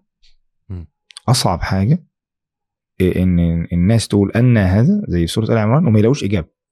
إجابة اللي هو ليه ليه ده بيحصل آه في؟ ناس بت... بت... عمالة ليه؟ مش. فاهمين. و... و... والغريب إن اللي... إن اللي كانوا في البلاء صابرين ويقولوا الله أكبر واللي بيتفرجوا على البلاء هم اللي شكوا. صح اللي هو سوريا وهم أصلا الدنيا بايظة أيوة، و- و- وهم يطلعوا من الأنقاض يقولوا الله أكبر ويصلي ويعني اللي في البلاء نزل عليهم الر- الرضا سبحان الله واللي بره هم اللي قاعدين شاكين. ف- فبقيت عايز أوجه خطاب للي بره. خلاص يعني دول ربنا كفاهم يعني. فقلت أقرأ القرآن ادور على على إجابة يعني. فقلت أبدأ برضو من الأول ابص فمن برضو من الآيات اللي دايما بتأثر فيها إني جاعل في الأرض خليفة. فلقيت برضو الملائكة نفس المشهد شايفة دماء كأن الملائكة شايفة دماء بتسيل قلت له يا رب ليه كده يا رب؟ سبحان الله. هتجعل فيها من يفسد فيها ويسفك الدماء؟ طب يا رب طب لو على عبادة طب ما إحنا نعبد. قال إني أعلم إني أعلم ولا تعلمون. إني أعلم ولا تعلمون دي فيها شقين. شق إن أي حاجة تقابلك في الحياة دي اعرف إن إني أعلم ولا تعلمون. زيك دي بدأت بيها سورة البقرة اللي هي بداية التشريعات في المدينة. حاول توصل للحكمة بس لو ما وصلتش اعرف إني أعلم ولا تعلمون. كويس. خلاص؟ ذلك العلماء في, في الآية دي ليهم مسارين مسار إن سلم لله. هو يعلم أنت لا تعلم. ومسار طب ما تيجي نستشرف ونبحث من الآيات إيه الحكمة اللي ربنا أخبرنا بيها مبثوثة في الثنايا. ذلك بعضهم قال من معاني إني أعلم ولا تعلمون أي إني أعلم أنه ستخرج من- هؤلاء الناس عبوديات لا تفعلها الملائكة. أنت متخيل؟ يعني مثال الملائكة مستغربة موضوع إن يبقى حد عنده إرادة الملائكة آه، لا يعصون الله ما أمرهم. مفيش فكرة إن هو حمل أمانة وإرادة. لا هو بيعمل ربنا بيقول له فاستغرب ليه يا رب تخلق مخلوق وتديله الإرادة وممكن يعصي يعني ليه؟ طب ما ده هيعمل مشاكل. في عبودية الملائكة ما بتعملهاش هي المقاومة دي الشهوة وإنه يقاوم يقاوم إرادته وان هم ما عندهمش ما عندهمش آه. آه. فنشأت عبودية جديدة يحبها الله من أسباب أنت مش واخد بالك منها. اللي حصل في ده في, في تركيا وسوريا أخرج عبوديات يعني مفيش في الأرض زيها دلوقتي. يعني ناس اجتمع دول آية دول ربنا بيجيب ناس عارف زي سيدنا أيوب كده 18 سنة بلاء في أحد الأقوال. ربنا بيجعل ناس آية على ناس. دول آية في الصبر وآية. فدول يصبحوا منارة ويجددوا العبوديات. فأنت لما بترجع لورا هو أصلا أنت زعلان على إيه؟ على العمارات اللي وقعت؟ طب كله هيقع. على الناس اللي ماتت؟ طب ما كله هيموت. الناس الناس راجعة من غزوة أحد. شوف المشهد. الناس راجعة من غزوة أحد بتعيط على اللي ماتوا على قرايبهم اللي ماتوا. فربنا يقول له أنا أصلا عملت كده عشان أتخذ منهم شهداء والله لا يحب الظالمين. بقى خايف على نفسه بعد ما كان زعلان على اللي ماتوا. ربنا يقول له اللي ماتوا دول يستبشرون بنعمة من الله. يعني دول قاعدين مبسوطين ومنتظرينك أنت اللي تموت. فالقرآن خلاه عيط على نفسك. ما تزعلش يعني. يعني معلش عيط على نفسك حبيبي. دول. دلوقتي شهداء. فبعد ما كان راجع بعيط على الناس بقى راجع زعلان إنه ما ماتش. مم. ويتمنى إنه يلحق بهؤلاء. والأفكار دي بتتبدل في لحظتها. بالظبط. يعني أنت بتقرأ الآية فعلا اللي هو خلاص أنا كنت فاكر كده فأنا شلت الفيشة من هنا حطيتها هنا. بس خلاص انت الموضوع خلص. لذلك. هم في نفس السورة ربنا قال الذين استجابوا لله ورسوله من بعد ما أصابهم القرح. هم تألموا. لما نزلت السورة خلته يستطيع إنه يتحول ويكمل في المسيرة. مم. فالقرآن فعلا بيقدم إجابات عن أشياء أنت مش مش عمرك ما هتفهمها من غيرها. مم. لأن انت من غيرها فهمك ضيق. فبتدخل بمشكلتك سؤالك بقى أنا مش لاقي اجابات مشاكلي في القرآن. أنا مش لاقي يعني أنا عندي مشاكل في الشغل وعندي مشاكل في البيت وعندي فين الإجابات؟ القرآن لا يعطي خلينا نقول بين قوسين دائما القرآن لا يعطي دائما إجابات تفصيلية. أو مباشر آه. القرآن يعطي غالبا إجابات كلية. مم. ويعيد تصحيح. لأن انت برضو عندك السنة هتجد فيها بعض الجزئيات والتفاصيل. ثم في وسيلة تانية يعني ممكن يعني نتطرق لها اللي هي إيه؟ قضية ما يسمى بالاعتبار العبرة. يعني ال- ال- العبرة يعني يقول لك إيه؟ فاعتبروا اولي الأبصار أو تعبير الرؤية هو بمعنى العبور إنك أنت بتنتقل يعني مثلا قصة سيدنا موسى مع فرعون. دي قصة انتهت. كيف نعبر بأحداث هذه القصة من الماضي للواقع؟ انت كده بتعتبر بت- بتنقل الفوائد لأن تعبير الرؤية انت بتنقل اللي حصل في الحلم للواقع ده دور ماشي. المعبر يقولوا اللي انت شفته في الحلم كذا هيبقى كذا في الواقع واللي كذا في الحلم هيبقى كذا في الواقع الاعتبار بالقصص القرآني وبأحداث القرآن هي عبارة عن الاستفادة من هذا الماضي للواقع اللي انت عايش فيه جميل الجسر ده مم. الجسر ده عايز علم هي دي المشكلة مم. مم. هي دي المشكلة فعلا عايز علم عشان تعرف إن إن الشخصيات متكررة. ما هو فرعون فيه فراعنة كتير قارون فيه كتير الشخصيه القارونيه في منها كتير.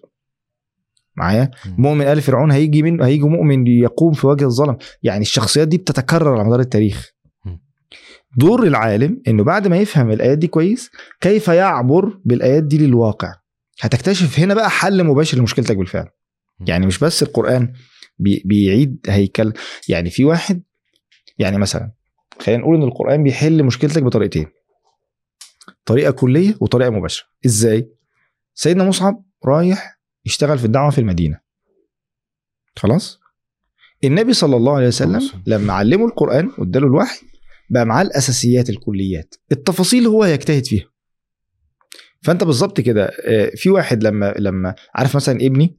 مثلا لما أقول له ما تكذبش وما تغشش وكذا وادي له قواعد مش لازم أقول له إيه، رجع الفلوس اللي لقيتها مش خلاص التفاصيل دي هو فهم هو هيتحرك في التفاصيل خلاص.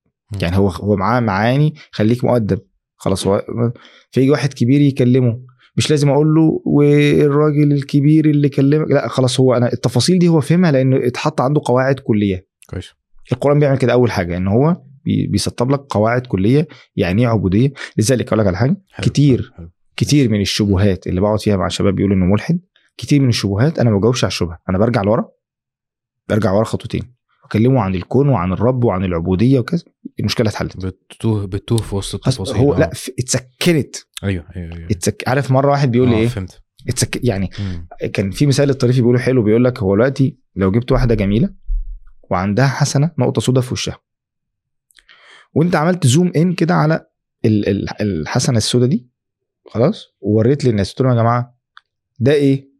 ده أسود ولا مش أسود؟ يقول لك أسود. موجود في الوش وشها أسود. بس لما بتعمل zoom out بتبقى النقطة دي هي مزيد جمال. كويس. الشبهة هي اقتطاع. جزء من الدين أو النص أو بعيد عن ال- الصورة الكلية. لما بترجع بره وتوري له الصورة الكلية زيك في مرة واحد بيقول لي إيه؟ أنا خايف أزود إيماني. قلت له ليه. قال بيتكلم بجد. قال لي عشان حديث أشد الناس بلاء الأنبياء ثم الذين يلونهم. مم. معايا؟ بعيدا إن أنا كان ممكن أقول له يا ابني أنت أصلا مش عارف تزود إيمانك؟ يعني بلاش. كان ممكن أستعمل وسيلة تانية إن أنا أحبطه بس بلاش يعني. قلت له يا ابني أنت اقتطعت ما هو وأشد الناس وأكثر الناس فتحا وجمالا ولذة وطيب العيش. هم هؤلاء أيضا. إيه يعني لما ياخد كل الجمال ده وياخد حتة بقى إيه يعني أصلا؟ ده بالعكس البلاء ساعتها بالنسبة ما قلت انت انت متصور انت انت هندست الموضوع خلط طلعت المؤمن بره ينزل بلاء ايمانك زاد خد يا ابني بلاء خد. لا هو في علاقة كاملة مع ربنا وإن أنت لو أنت عندك المستوى ده فالبلاء هيبقى قد لأن أنت عايش حياة. تانية كاملة مع ربنا حياة تانية مليانة معاني ومليانة جمال ومليانة. بالعكس مليانة أسرار أنت ما تبقاش عايز. تقول أصلا هيبقى عندك أدوات ت... تتصبر بيها فالبلاء. هنا. خد نقطته حجمه الطبيعي مم. فالقرآن بيعمل كده. القرآن بيخلي أسئلتك يعني واحد يقول لك إيه هو ليه ربنا مثلا فرض علينا كذا؟ أنا آه، قبل ما بجاوب برجع ورا أتكلم عن الله الحكيم ويعني إيه عبودية. لما بتمشي بالصورة دي الجواب بيتسكن بسهولة حتى لو ما عرفش الحكمة. أيوه. ذلك هي هي معلومة تايهة أنت بتحطها له في مكانها. بتحط آه في الصورة الكاملة مم. زي البازل كده. فبقت الرسمة آه أنا فهمت. مم. لذلك تحقيق الكلام عن الله والأسماء والصفات ومعاني العبودية بيحل كثيرا من التساؤلات. كثير من الشبهات هي ناتجة عن عدم الرؤية الصورة الكليه أصلا القرآن بيعمل كده كويس يبقى أول طريقة القرآن بيحل بيها همومك ومشاكلك إنه بيرسم لك صورة الحياة كاملة. و- ومش بس بيرسمها لك يعني هقول لك على حاجة لو أنت وقعت في مشكلة مشكلة بالنسبة لك كبيرة فأنا لو جيت قلت لك يا حازم ما تكبرش الموضوع أنت تقول لي لا الموضوع كبير. يا حازم الموضوع مش كبير. لا أنا شايفه أنت يعني ده رأيك أحسن من رأيي؟ لما اللي بيقول لك كده ربنا يعني لما بيجي لك كلام فوقي يصبرك بيبقى مختلف. يعني فعلا. يعني لما لما كلام الله إن دي حجمها كذا ودي حجمها كذا تلاقيك بيصيبك حالة من الرضا والسكينة. كتير مننا يدخل عنده مشكلة يصلي يطلع مرتاح. هو مش فاهم إيه اللي حصل. مشكلة زي ما هي ما اتحلتش بس مرتاح. ليه؟ اكتسب معاني تصبره وتفهمه وترسم خلاص فهم قيمة ال ومن يؤمن زي الايه اللي فيها في سورة التغابن اللي فيها المصيبة ومن يؤمن بالله يهدي قلبه. هدي. خلاص عرف إن الموضوع بسيط وخد حجمه وخلاص إيه إن لله وأنا إليه راجعون. إيه اللي حصل؟ عادي ما كلنا هنموت وخلاص أما ارجع ربنا هيفهمني يقول لي ده إيه ليه أصلا عادي. خدت حجمها. الوسيلة التانية اللي بيعملها القرآن إنه فعلا بيحل لك مشكلتك. يعني واحد بيقول لي طيب كلمني عن هات لي آه كان جلسة قريب بيقول لي كلمني عن العلاقات الاجتماعية في القرآن. قلت له إزاي يعني؟ قال لي دلوقتي ال social media مليانة مشاكل. أنا عايز ترتيب دماغي تكون مترتبة كده عشان أعرف أتعامل دلوقتي في الواقع. ده بيضرب في ده وده بيشتم في ده وده بيرد على ده. أنا عايز من القرآن آه، ترتيب العلاقات الاجتماعية. قلت له بص القرآن بيختار نموذج ويشرحه كويس وانت على حسب فهمك له هتعرف تسقط منه على واقعك جميل. تمام؟ قال لي إيه النموذج ده؟ قلت له آيات الطلاق. أقوى علاقة. هي علاقة الزواج. ربنا ذكر بالتفصيل آيات في قضية انفصالهم عن بعض. موجودة في سورة البقرة موجودة في سورة النساء موجودة في سورة الطلاق. تمام؟ فهمك للأخلاقيات المذكورة هنا كويس هيخليك تعرف هي دي الاعتبار بقى تنتقل ده في علاقتك بالناس. لذلك النبي ربط قال إيه؟ خيركم خيركم لأهله. ما هو اللي هيبقى كويس في العلاقة دي هيبقى عارف كويس مع الناس. مم. يعني دي أصعب علاقة. علاقة مستمرة دائمة وفي وش بعض مشاكل اختلاف طباع. آه يعني أنا عايز أبقى أحسن آه، مع الناس أبقى أحسن مع أهلي. هتبقى ما هو اللي هينجح. أنا مش قصدي إن هم صعبين. آه لا بالعكس هم كويسين جدا. ما هو اللي هينجح مع أهله يعني إيه. هينجح مع الناس. لأن أنت اختلاف طباع. فلما أنا لما جيت أجمع ال ال يعني عايز أقول إيه؟ المستحبات وال والآيات اللي ذكرت في الطلاق. إيه ده؟ أنا أصلا عامل درس آه، كان اسمه إيه؟ اديته في رمضان. آه، زي إعجاز القرآن في الأحكام الطلاق نموذجا من كتر انبهاري بالطلاق لما حبيت أختار حكم أبين الإعجاز فيه. جبت الطلاق. سبحان الله دي أصلا من أصعب الصور. يعني كنت بحاول أحفظها. سوره الطلاق؟ آه يعني فعلا معقدة يعني مع صعب. سورة ده سوره بديعة. يعني سوره. الطلاق دي آه، يعني النص الأول انهيار البيوت النص الثاني انهيار المجتمعات مم. يعني يعني فجأة كده فجأة الصورة بتقلب هي ناس بتعيش- يعني فجأة وكأي فجأة أنت ماشي ماشي بعين الطلاق فجأة وكأي من قرية عاتت عن أمر ربها ورسله فحسبناها حسابا شديدا وعذبناها عذابا نكرا إيه ده؟ بسبب آه. شوف وكأي من قرية عاتت عن أمر ربها سبحان الله أنا أصلا فوجئت إن كلمة أمر الله اتكررت في الصورة كتير مم. وإن تعدي أمر الله في الطلاق اللي أنت بتبقى مست- مستهتر بيه ده ده ممكن يعمل انهيار مجتمعي أصلا. سبحان الله. مم. وتكتشف ربط عجيب. وإن الله وطيب ال... طب وهي المظلومة دي اللي انت تعديت أمر ربنا فيها. في أمر الله القدر اللي هينقذها إن الله بالغ أمره. ربنا يعمل ما يشاء و... و... ويفتح لمن يشاء سبحانه وتعالى. فأنت بتكتشف إن فهمك لقصه سيدنا موسى. كويس. أو آيات المعاملات المالية. كويس اللي موجودة. هيخليك تعرف تقيس على حاجات تانية كتير في الحياة. وده يجاوب على سؤال هو إزاي عدد آيات القرآن المحدود 6000 وشوية آية بيغطوا أحداث لا محدودة نقابلها في حياتنا. ده سؤال عمالين بيسألوه يقولوا دلوقتي أنتوا عمالين تقولوا القرآن ويهدي التي أقوم الرجوع للقرآن طب القرآن ده محدود. يعني إزاي أنت عايز تقنعني إن 6000 وشوية آية؟ إحنا عندنا مليارات الأحداث المتكررة على مدار الزمان. فنقول له ما هو أنت يعني اولا الذي تكلم بهذا الكلام هو الله. خالق كل شيء. وهذا الكلام محمل عليه معاني تكفي البشرية إلى قيام الساعة. لأن اللي تكلم بالكلام الله واللي خلق الأحداث الله ويعلم ماذا سيحدث سبحانه وتعالى. خلاص؟ طب كيف سنصل اليها هو ده من معنى التدبر. ما هو التدبر ما وراء يعني الدبر الخلف. فدلوقتي دي الآية. التدبر فيها لها ظاهر وليها معاني معاني معاني محملة عليها. مم. هذه المعاني لا تنضب لا تنتهي. كويس. ده أحد أحد معاني قوله سبحانه وتعالى ما نفدت كلمات الله. لا تنفد. وأثر وإن كان في ضعف لا يخلق على كثرة الرد. يخلق يعني النبي صلى الله عليه وسلم يقول إن الإيمان لا يخلق في جوف أحدكم. يخلق يعني يبلى الحاجة بتلبسها كتير سنة اتقطعت واتبهدلت كده. الإيمان لما بيتساب من غير تجديد في قلبك بيضعف. القرآن بقى مش معنى إن في علماء كتير كتبوا تفاسير كتير ورجعوا له كتير إن القرآن خلص لا. يعني في واحد يقول لك إيه؟ يعني السورة دي هيبقى فيها إيه يعني؟ لا فيها. كويس. ما هو ده مفهوم أصلا سبحان الله لسه متعلمه قريب وحضرتك طبعا تصحح لي يعني إن في معاني أولية دي دي كل الناس قالتها خلاص. بس التدبر أو المعاني اللي حضرتك بتتكلم فيها دي يعني خل... يعني القرآن متفسر عشان الناس فاكرة إن لسه أيوة. في حاجات ما اتفسرتش. فممكن حضرتك تف... تفكك الحتة دي بس؟ هو خلينا كأن هي أشبه بمثلا إيه المفسرين أو كلام السلف والعلماء. هو أشبه بتراك لينا ما تطلعش براه. فهم كلام النبي صلى الله عليه وسلم والصحابة والتابعين وكلام أهل العلم هو أشبه بالضوابط لأن هو هي بت- يعني هقول لك أنت حاسس إنك واقع ما بين طرفين. طرف عايز يقول لك القرآن ينفع يتفسر بأي حاجة مم. يعني ينفع نحل بيه حرام يعني قابل في حالة من السيولة كده في القرآن مم. ومفيش حاجة اسمها إن القرآن, القرآن عادي ممكن نقول فيه براحتنا والنص وعند ونظريات بقى عندهم إن حاجة اسمها موت المؤلف وال personal text وإن ده نص ش- كل واحد علاقته بالنص شخصية وجو كده خليك. في الآخر توصل إن النص ده سائل جميل في ناس تاني يقول لك لا إيه، كل حاجة اتقفلت وما عادش ليك أي حاجة الموضوع انتهى.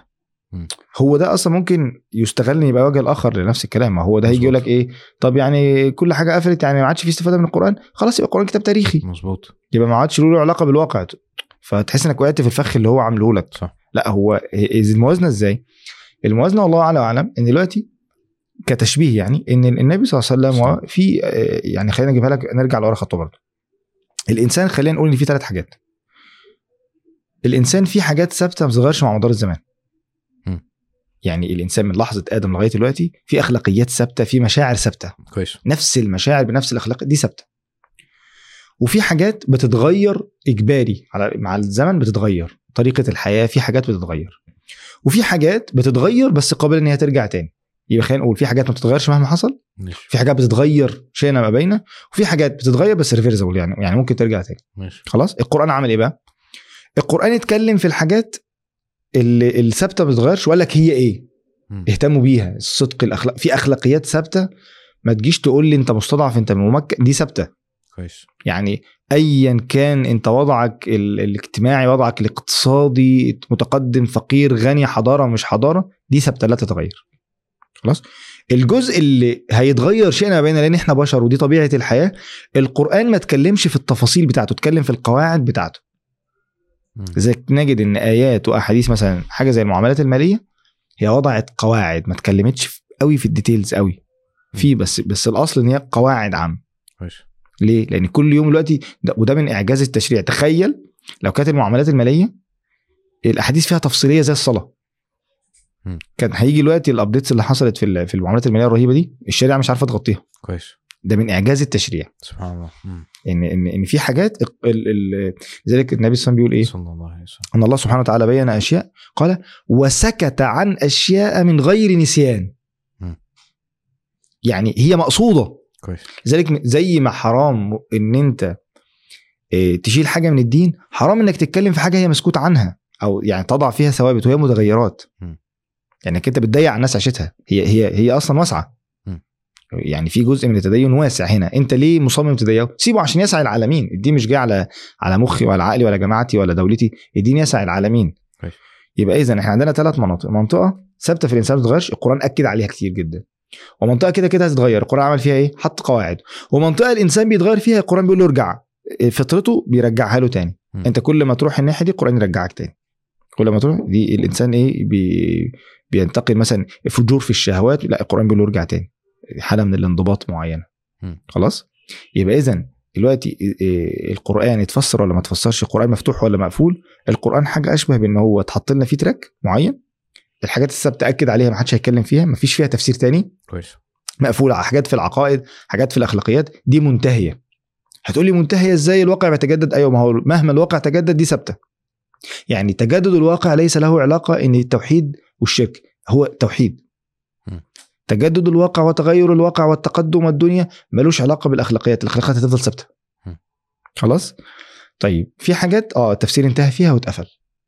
في حاجات فهمك للقواعد ده بيتجدد كيف ننزل ده على الواقع. وده بقى يعني بيحتاج علم مثلا زي أصول الفقه وكده. كيف ننزل هذه الأمور على الواقع؟ وفي كتب تنزيل الآيات على الواقع في كتاب تنزيل الخطاب على الواقع. ده علم. كيف ننزل هذه الآيات على الواقع؟ اللي هي أحد اوجه الاعتبار. إزاي ننزل بالايه دي ده عايز علم. خلاص؟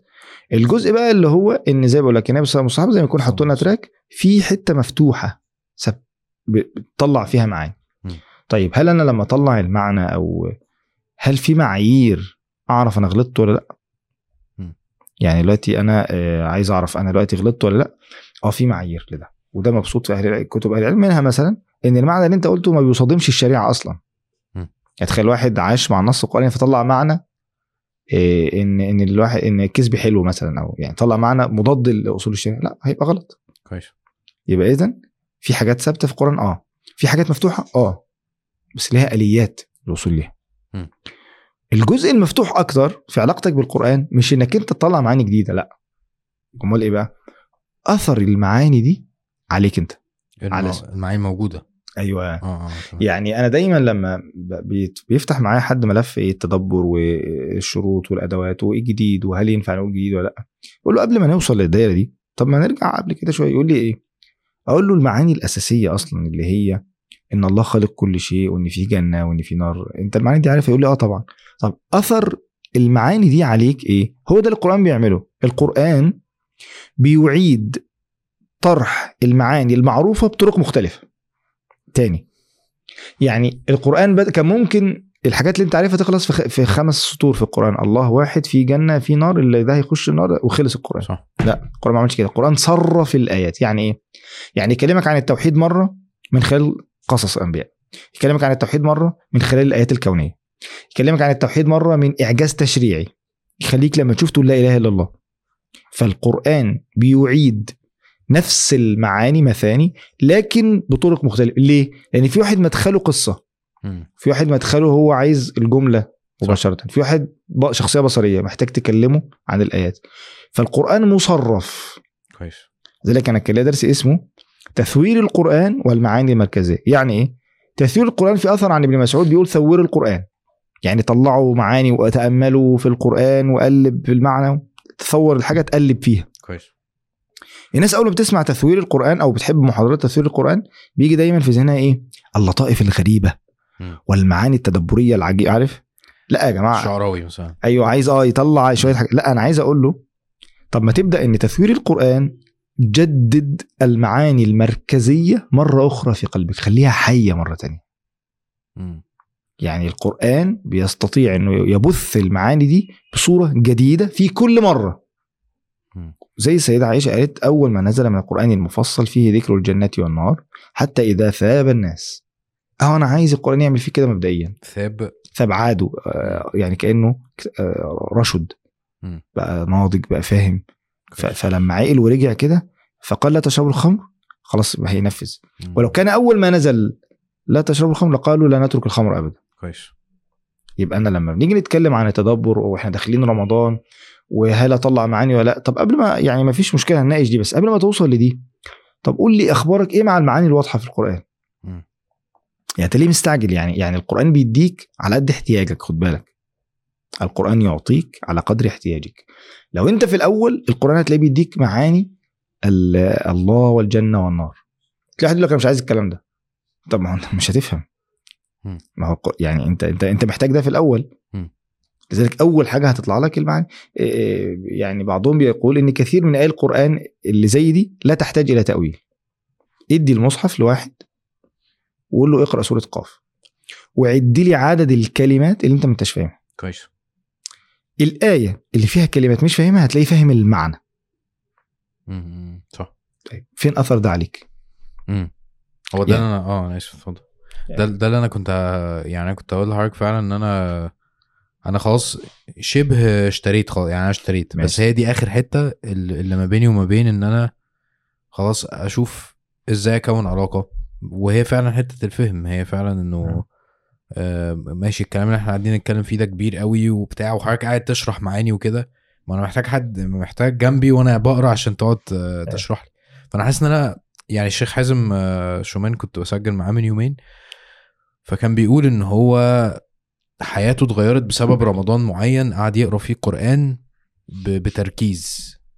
فأنا هقرأ القرآن بتركيز إزاي وأنا مش فاهم؟ وأنا توقعاتي أصلا عالية جدا اللي هو أنا هقعد وأعيش بقى وأفهم وبعد كده أنا هلنك المعاني دي إزاي؟ فاهمني؟ فاهم. ولذلك ال- ال- اللي هيسيب نفسه زي ما قلنا هيكتشف إن القرآن بيديله حاجات معينة.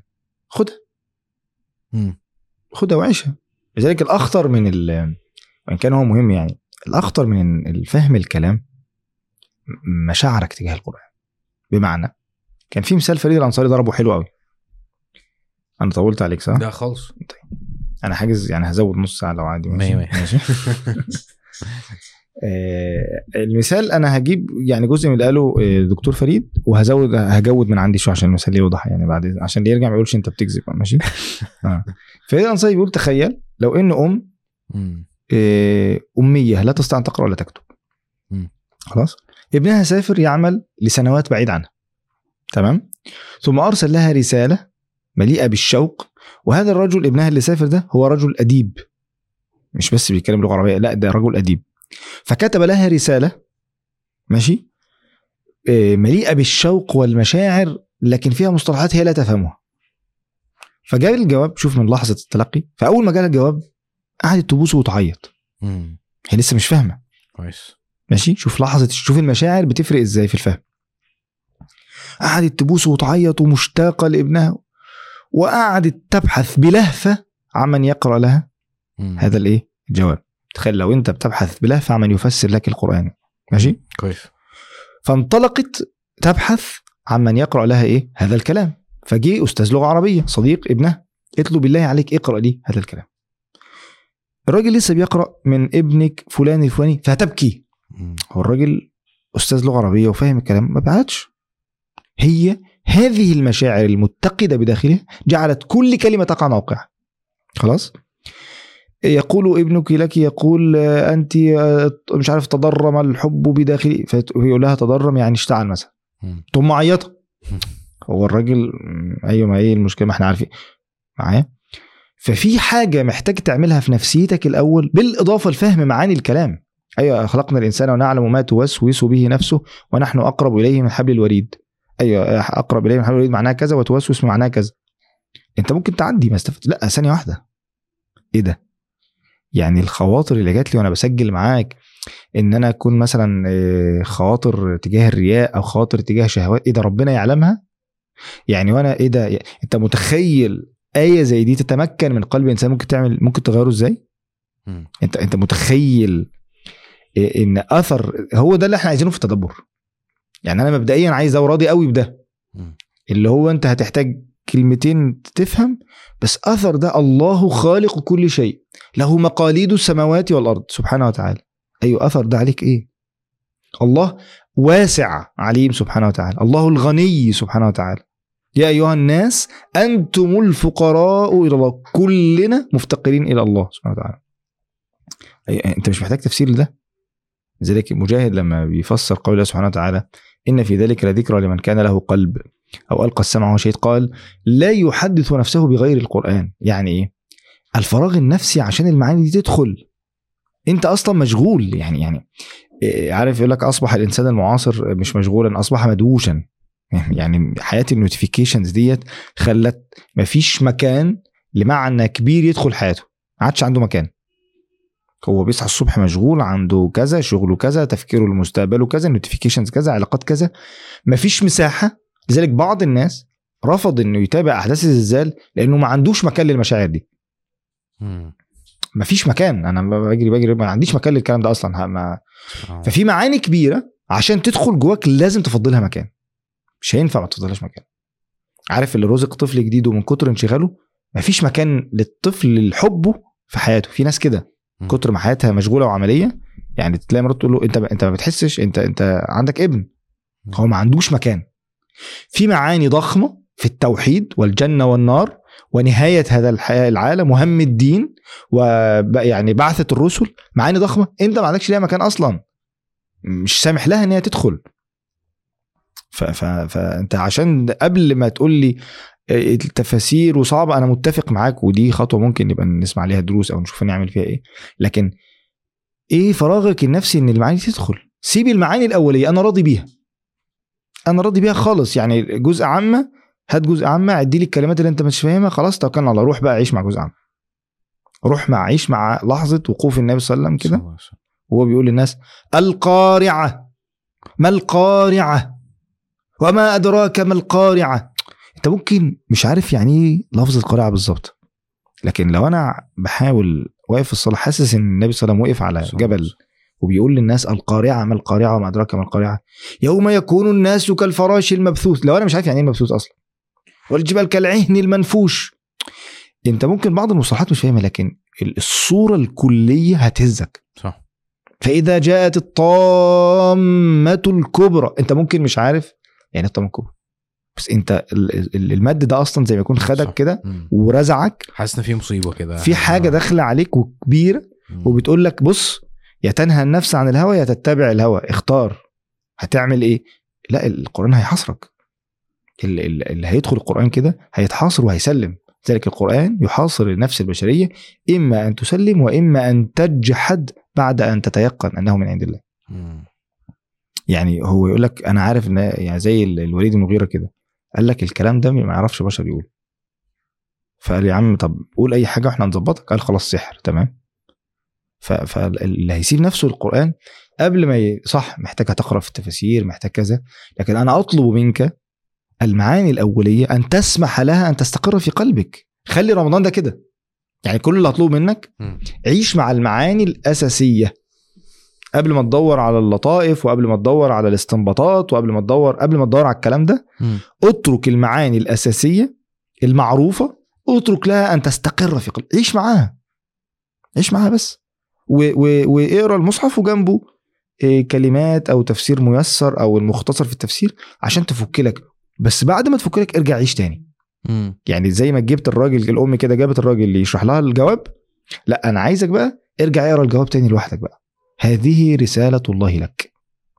ارجع اقرأها. ربنا أرسل لك هذه الرسالة. هتعامل معاها إزاي؟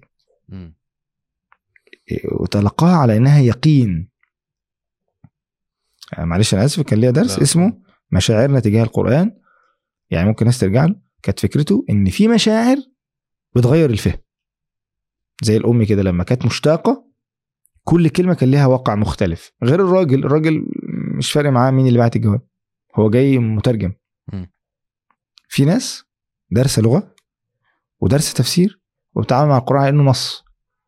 بي- آه دي معناها كذا كذا كذا ودي معناها كذا كذا كذا وهو لا يتغير مم. ده ما استفادش من القرآن معايا؟ آه يعني ده ده لو أنا لو أنا خدت الم- المنطلق ده بتاع إن أنا أسيب القرآن آه أو أترك نفسي للقرآن ده اللي هي ده هيساعد في إن هو يفرغ المكان ده في قلبي يعني حضرتك بتقول لازم تسيب مكان أو تعمل فراغ عشان تقدر تستقبل الكلام ده. ف... فهي دي أصلا نقطة أنا ما كنتش واخد بالي منها إنه فعلا بسبب الحياة وبسبب الانشغال وبسبب ال... الأهداف والكلام الفاضي اللي إحنا عايشين فيه الواحد ما آه ما أنت قلبك فعلا مليان بحاجات تانية. فهل يكفي إن القرآن لوحده إن هو يزق ال... الحاجات دي بره؟ آه ده السؤال اللي هو إيه, إيه أدخل القرآن جاهز ولا القرآن هيجهزني؟ امم يعني أفضي نفسي وأدخل ولا لما أدخل مشغول القرآن هي- هي مم. الاثنين كويس. يعني هي سايكل كده أنت يعني هي بيسموها علاقة جدلية أنت ده بيعمل ده وده بيعمل ده. كويس. بس أهم حاجة ما تعملش مقاومة. مم. لذلك لما رب- ربنا قال لهم في آخر سورة سبأ اعظكم بواحدة أن تقوموا لله ابعدوا بس عن المؤثرات مثنى وفراد و- وتأمل في الكلام ادي نفسك فرصة تفكر ثم تتفكروا. اللي يخلي واحد كان معاكم فجأة يقول أنا رسول ويعرض نفسه للقتل ما بصاحبكم من جنة. مم. مش هيقوم واحد يعمل كده إلا إن هو إلا نذير بين يدي عذاب أليم. مم. يعني يعني أنت ادي بس لنفسك مساحة إن الكلام ده تتأمل فيه. أنا بقول أحيانا بعض الشباب شغل صورة طويلة. صوت حد بتحبه وخلصها كلها من غير ما تمسك الموبايل. يعني اقعد كده حاول تعمل ده قبل رمضان. شغل سوره الأنعام. بلاش يا سيدي صورة الرعد أو فاطر أي سوره والسوره بتحبه وحاول ما تعملش أي حاجة وهو بيقرأ. إلا أنك تنصت.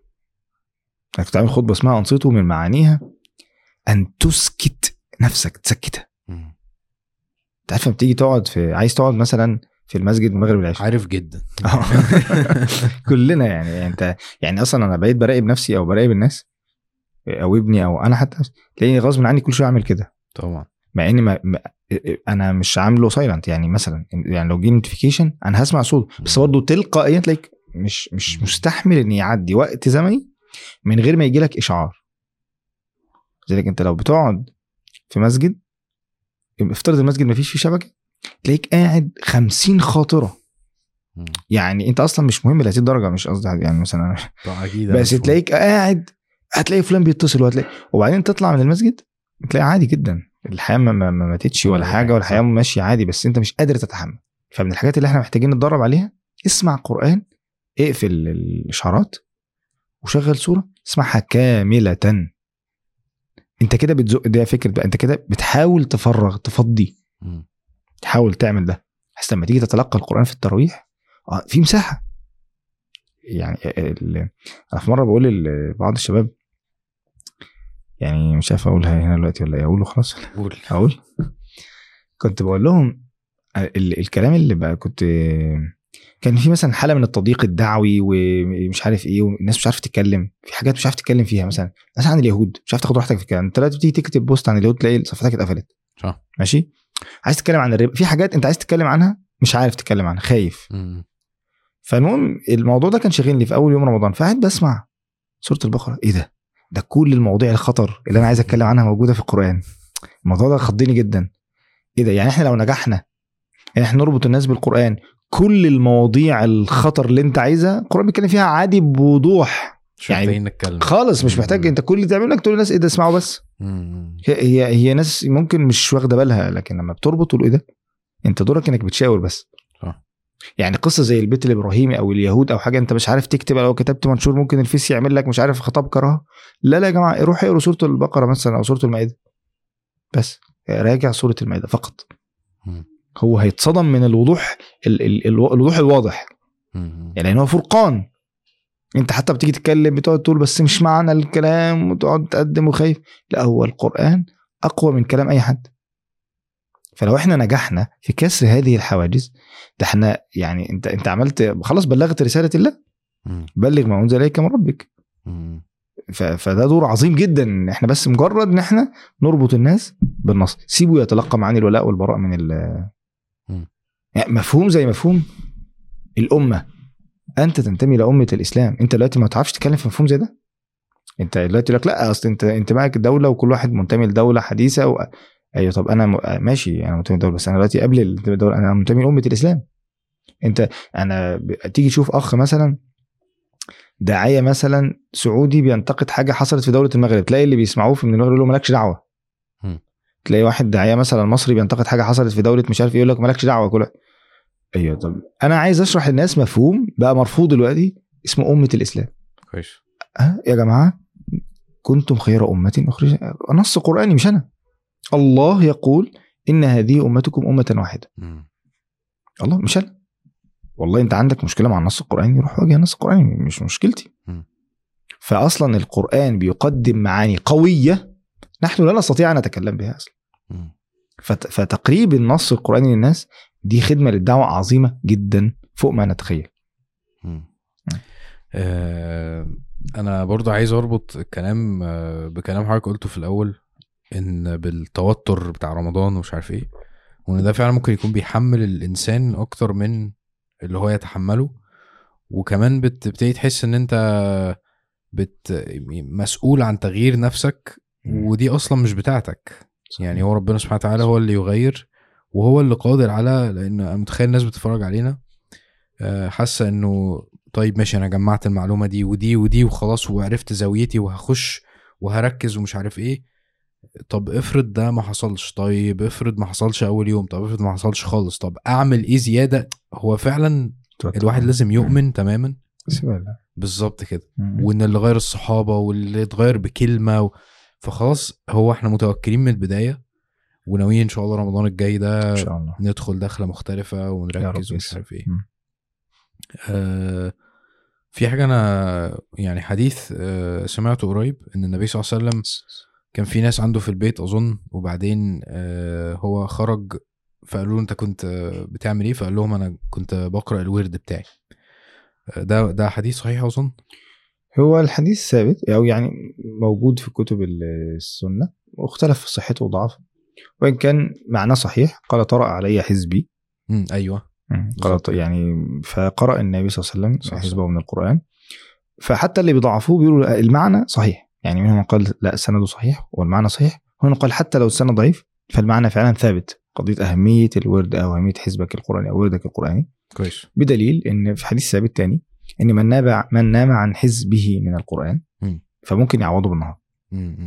أظن في صحيح مسلم يعني أنت يبقى في حاجة أنت مرتبط بيها حتى لو راحت عليك بالليل لا طب ما تحاول فكرة إنك تعوضها كويس جميل. جدا آه. فده معنى اصل إحنا بنسمع وردك ومش عارف إيه وبتاع فشويه ممكن أكون بحس إنه دي حاجة إحنا اللي مش مش قصدي مألفينها. بس حاجة إحنا الأيام دي بس هي اللي جديدة يعني وردك ومش عارف إيه وبتاع ف... فاللي أنا عايز أسأله حضرتك عن أهمية وجود ورد وهل يكفي اصل يقول لك مثلا إيه حتى لو صفحة حتى لو ربع حتى لو مش عارف إيه هل دي فعلا بتفرق؟ ما إحنا زي ما قلنا بقى أنا لو رجعت خطوتين لورا وفهمت أنا محتاج القرآن في إيه أصلا؟ يعني لو فهمت إن أنا النبي صلى الله عليه وسلم بيقول لا يأتي على الناس زمان إلا والذي بعده شر منه. لو فهمت إن أنا إيه، في معايير مجتمعية ممكن تفرض عليك غير ما يحب الله سبحانه وتعالى. مم. لو فهمت إن أنا إنسان قابل للتشكل. الإنسان هو كائن قابل للتشكل. ممكن يصل إلى أعلى عليين ممكن ينزل إلى أسفل سافلين. تمام. يعني مفيش حاجة اسمها إن أنت كويس على طول. يبقى تاني المجتمع النبي صلى الله عليه وسلم بيقول لا يأتي على الناس زمان إلا الذي بعده شر منه. يعني البيئة المحيطة بتزداد أحيانا سوءا. تمام؟ كويس. وأنا كشخص ربنا بيقول واتلو عليهم نبأ الذي آتيناه آياتنا. يعني واحد وصل إن ربنا آتاه الآيات. فانسلخ منها. يعني واحد كان ممكن يصل لاعلى عليين نزل كالكلب والعياذ بالله. يبقى الإنسان قابل إنه يتشكل. يبقى أنا قابل إن أنا أتغير. ممكن أكون كده ممكن أكون كده. خلاص؟ من هذه المقدمات يبقى أنا محتاج حاجة دايما تثبتني. كويس. حاجة حاجة أمسك فيها عشان ما اتحولش فكرة إن أنا مش هتحول لا لا أصل أنا قلب أبيض. لا كان في أحسن منك وباظ. كان في أطيب منك وبقى شرير. كان في واحد ما بيعرفش ي... ي... ي... يعني قلبه بيوجعه لو موت النملة وموت آه، 100 واحد عادي جدا. في كتب كانت بتتكلم عن صناعة الشرير إزاي كتاب كان نازل مترجم جديد اسمه تأثير الشيطان. إزاي ممكن واحد يتحول إن هو يبقى برغم إن هو كيوت في البيت وبتاع ممكن يبقى قتال قتلة. ففكرة إنك لا أنت ممكن تتغير. ممكن تبقى حرامي آه ممكن. ممكن تتغير أخلاقك ممكن. ف... ف... ومع الوسط اللي بيتغير آه أنت ممكن. فأنت محتاج يبقى قيمة الورد القرآني قيمة إن أنت بتمسك في حاجة ثابتة مش حاجة متغيرة. حتى لو قليلة؟ حتى ما هو لو القليلة في وقت فراغ نفسي آه كافية. يعني إيه؟ ما إحنا قلنا القضية إنك تتفرغ عشان الآية تدخل. في آية ممكن تغيرك لكن لو أنت بتقرأ مش صفحة بتقرأ حزب. ماشي بتقرأه عشان الثواب ماشي. طب فين بقى قرايه إن تثبت؟ يعني قيل إن معاني الورد يرد على الحاجة يعني العطشان بيجي عشان يشرب ثم يصدر منها. لا نسقي حتى يصدر الرعاء. يعني الناس بتيجي عطشانة تشرب وتمشي. إيه، بي- بيساقوا ورده قال ابن عباس عطاشة. فيرد يعني أنت جاي المفروض عطشان.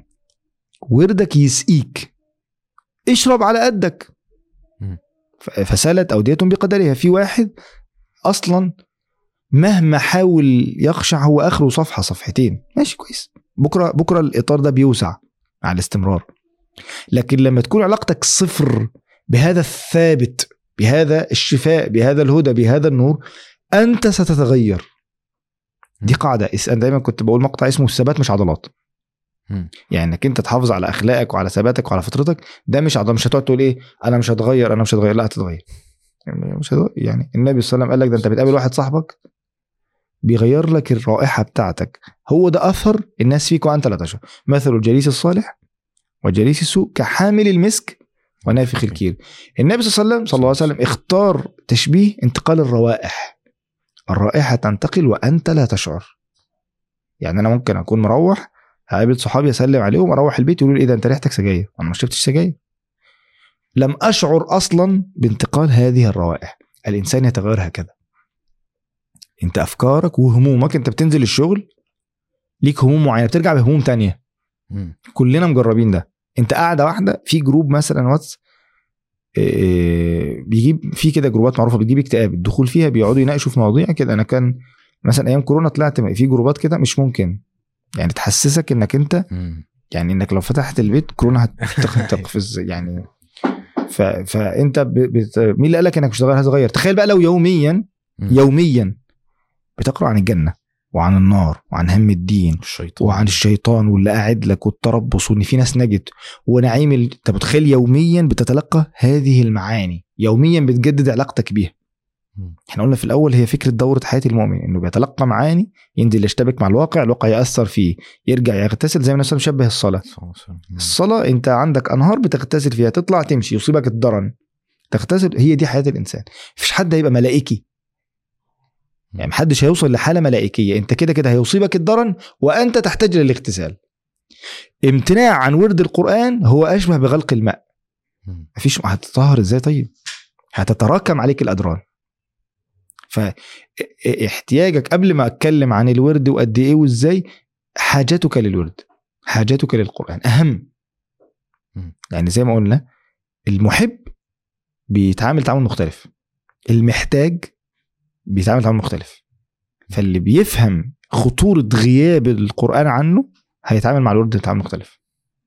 هيتعامل فعلا وخصوصا لما يمر بأزمة وضغوط ويرجع للقرآن يجد صدره بينشرح حتى لو مش فاهم إيه اللي حصل.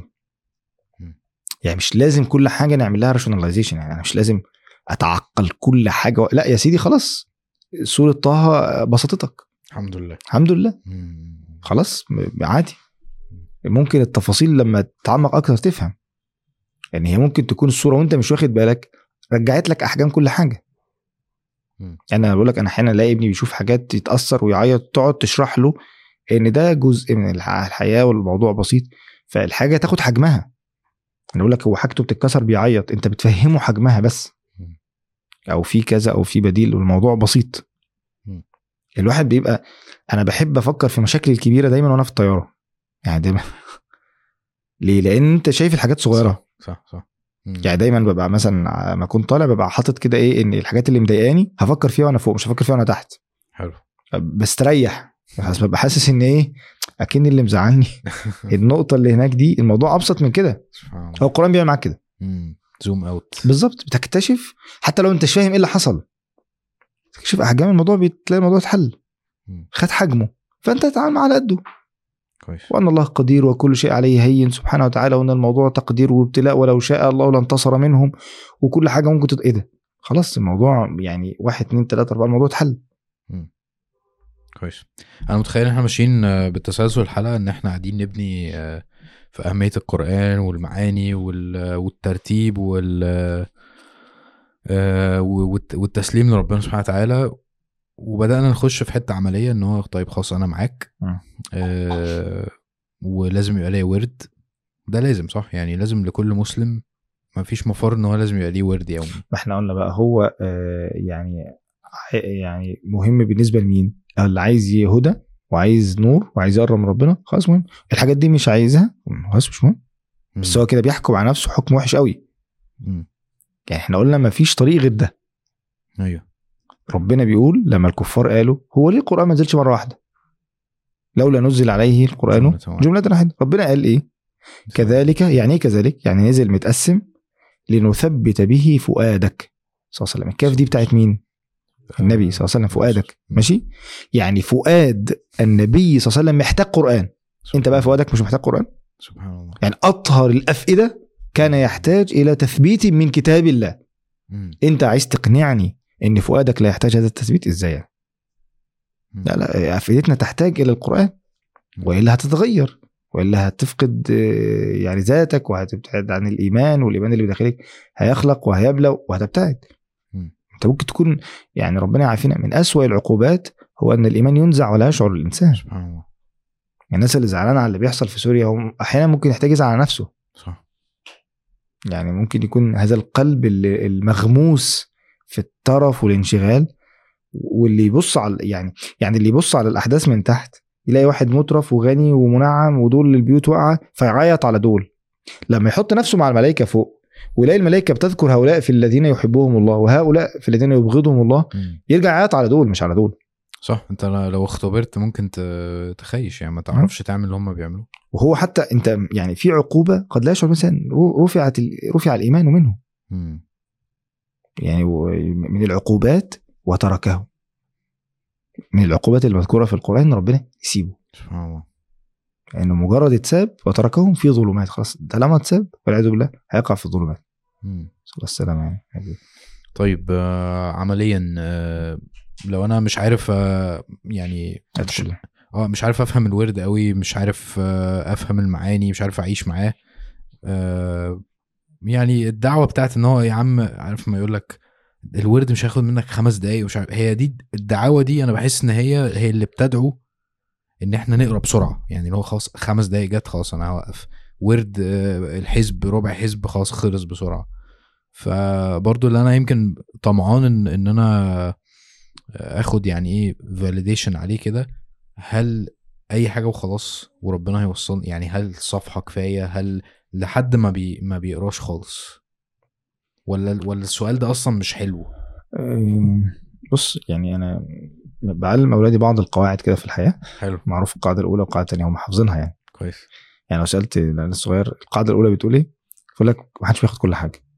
ماشي. القاعدة الثانية بقى بتقول إيه؟ ودي بقى كل حاجة ليها ثمن أوكي. كل حاجة ليها ثمن أنت دلوقتي بتقول أنا عايز أقرأ من القرآن وعرفت أهمية القرآن. لذلك قبل ما نسأل السؤال ده كويس إن إحنا بدأنا بأهمية القرآن. م. خلاص؟ كتاب بهذه الأهمية أنت مش عايز تديله وقت ومجهود؟ يعني أنا اتكلمت مثلا عن دكتوراه في علم من العلوم. أهمية ده. فواحد يقول لك إيه؟ أنا والله عايز ده بس ما عنديش وقت والله. أعملها إزاي؟ لا لا لا. اتركه. كويس. اتركه. هل معنى كده إن أنا لا في فرق بين قراءة القرآن كثواب أو تعبد زي ما بتصلي الظهر وبتصلي الوتر حتى لو حاجة بسيطة وحتى بتحافظ على ده عشان تنجو؟ آه ده حاجة تانية. لكن أنا بتكلم عن احتياج الجوف والفؤاد للقرآن لا محتاج وقت ومجهود. مم. وقت زائد مجهود. أنا شايف القرآن محتاج كده. والقرآن أثمن وأغلى آه ان إحنا محتاجين نديله وقت ومجهود. لازم. ولا سيما يا سيدي أنت مشغول طول السنة؟ طب في رمضان. مم. يعني على الأقل على الأقل ادي وقت ومجهود للقرآن على الأقل في رمضان. يعني ربنا سبحانه وتعالى جهز لك شهر عشان تعامل القرآن تعامل مختلف.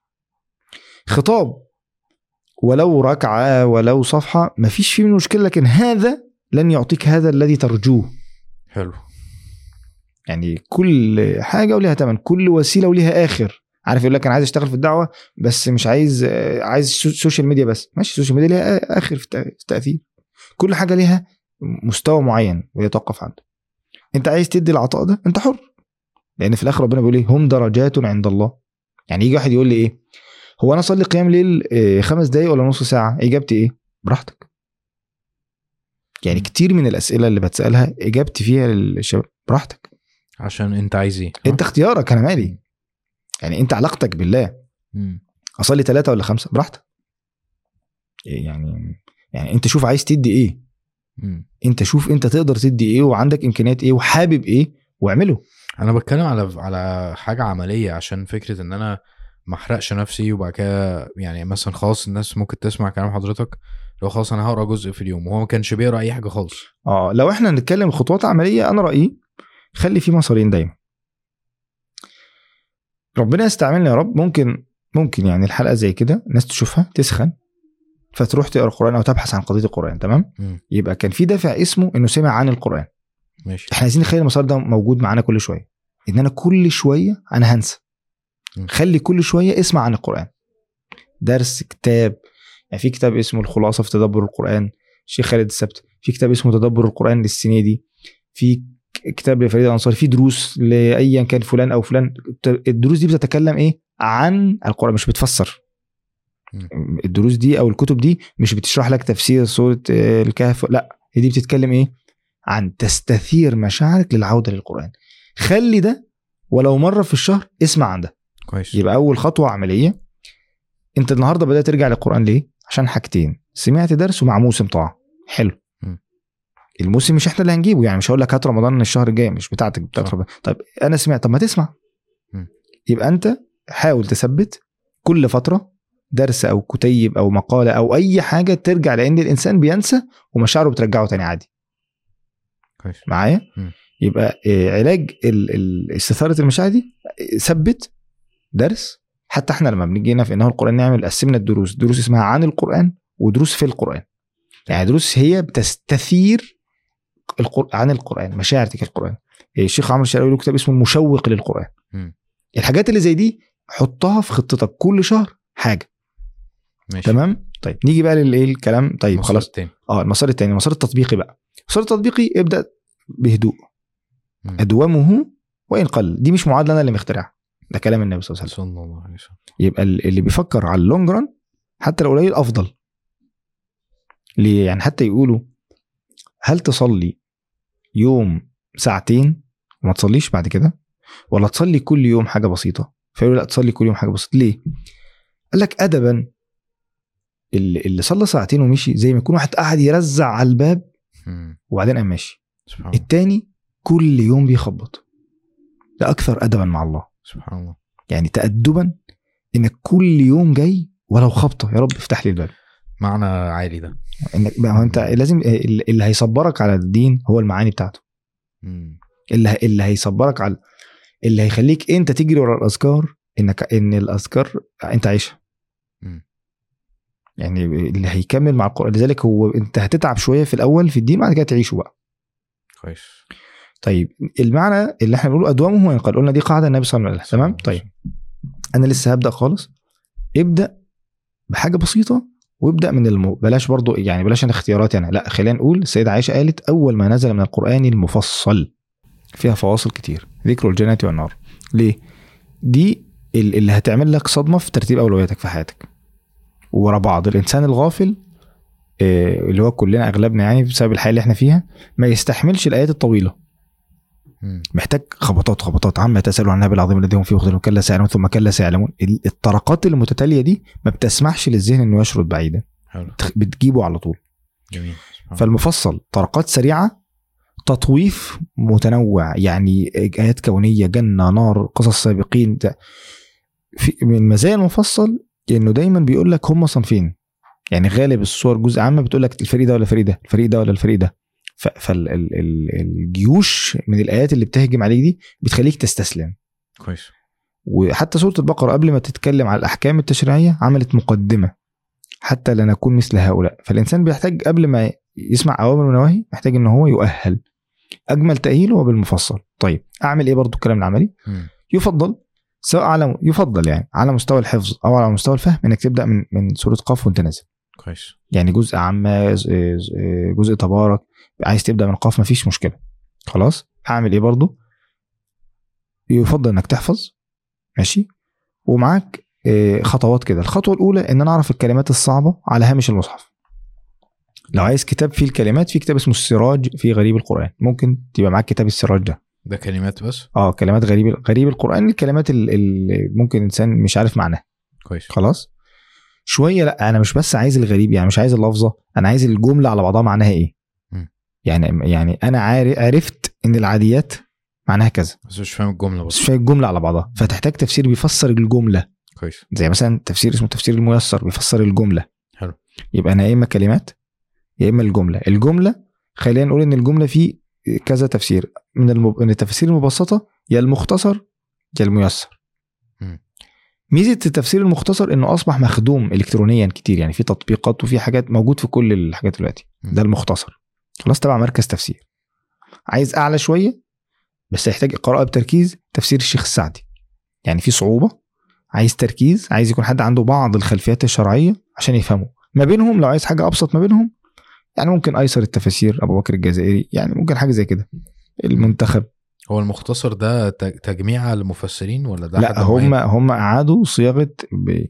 التفسير الميسر كان معمول أصلا لغير العرب مم. يعني فما فما ترجم. فلقوا العربي ينفع لإيه لمستوانا يعني فقالوا طب ما إحنا نعمل حاجة أصلا خصيصا بقى للعرب يعني مش مش جاية بالعكس مش جاية ريتروجريد لا العكس أصلا. فنعمل المختصر. فعملوا المختصر وحاولوا يتداركوا بعض الحاجات. يعني مثلا يعمل لون الكلمة الغريبة بيعملها بلون مختلف يعمل في آخر كل صفحة فوائد من الآيات مقدمة سريعة للسوره مم. فمخدوم شوية أكتر. كويس. ده المختصر. خلاص؟ لو أنا بقى حفظت جزء عام. وقريته من المختصر وصليت بيه النوافل كتير جميل. واديت لنفسي مساحة ذهنية إن أنا أعيش آه، يعني أقرأ سورة الزلزلة أعيشها. سورة القارعة. عشان أنا فهمت الكلمات الغريبة عشت وصليت بيها كتير. أصلي بيها النوافل وما استعجلش. يعني أصلي بيها الضحى أقعد يعني عشر دقايق أصلي بصوره قصيرة. آه.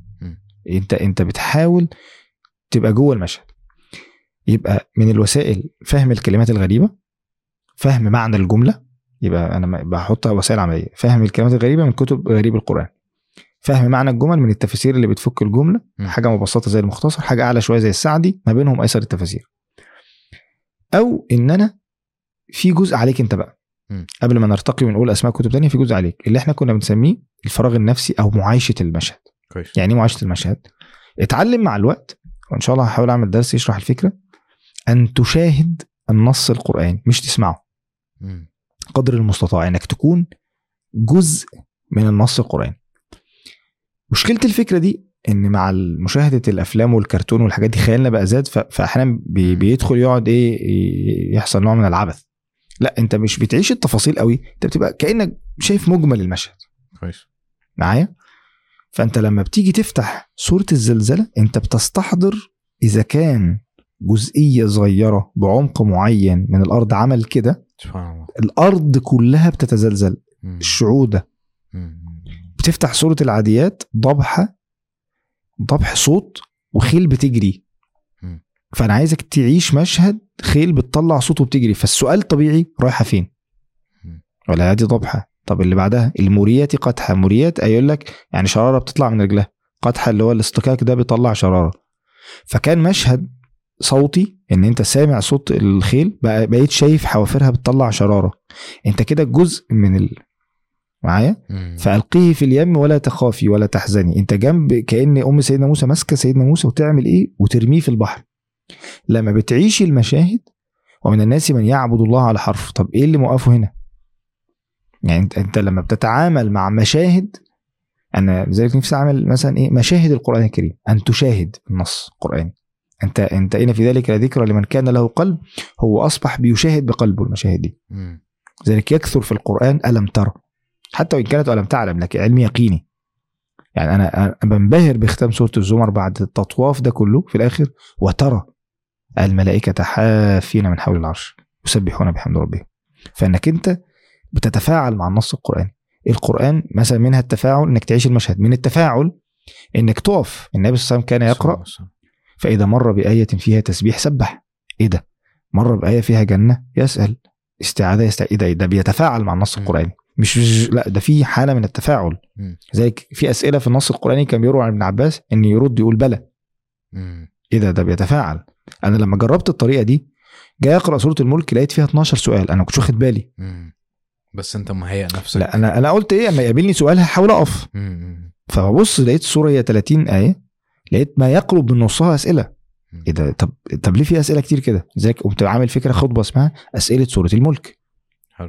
يعني أنت تفاعلك مع النص القرآني هيخليك تنتبه لأشياء أنت كنت بتجريها. كويس. معايا؟ يبقى في جزء علمي في التحضير آه معنى الكلمة معنى المفردة الكتاب وفي جزء نفسي. الجزء النفسي ده ممكن نقسمه إنك تكون نفسيا متأهل مش مش قاعد مدوش.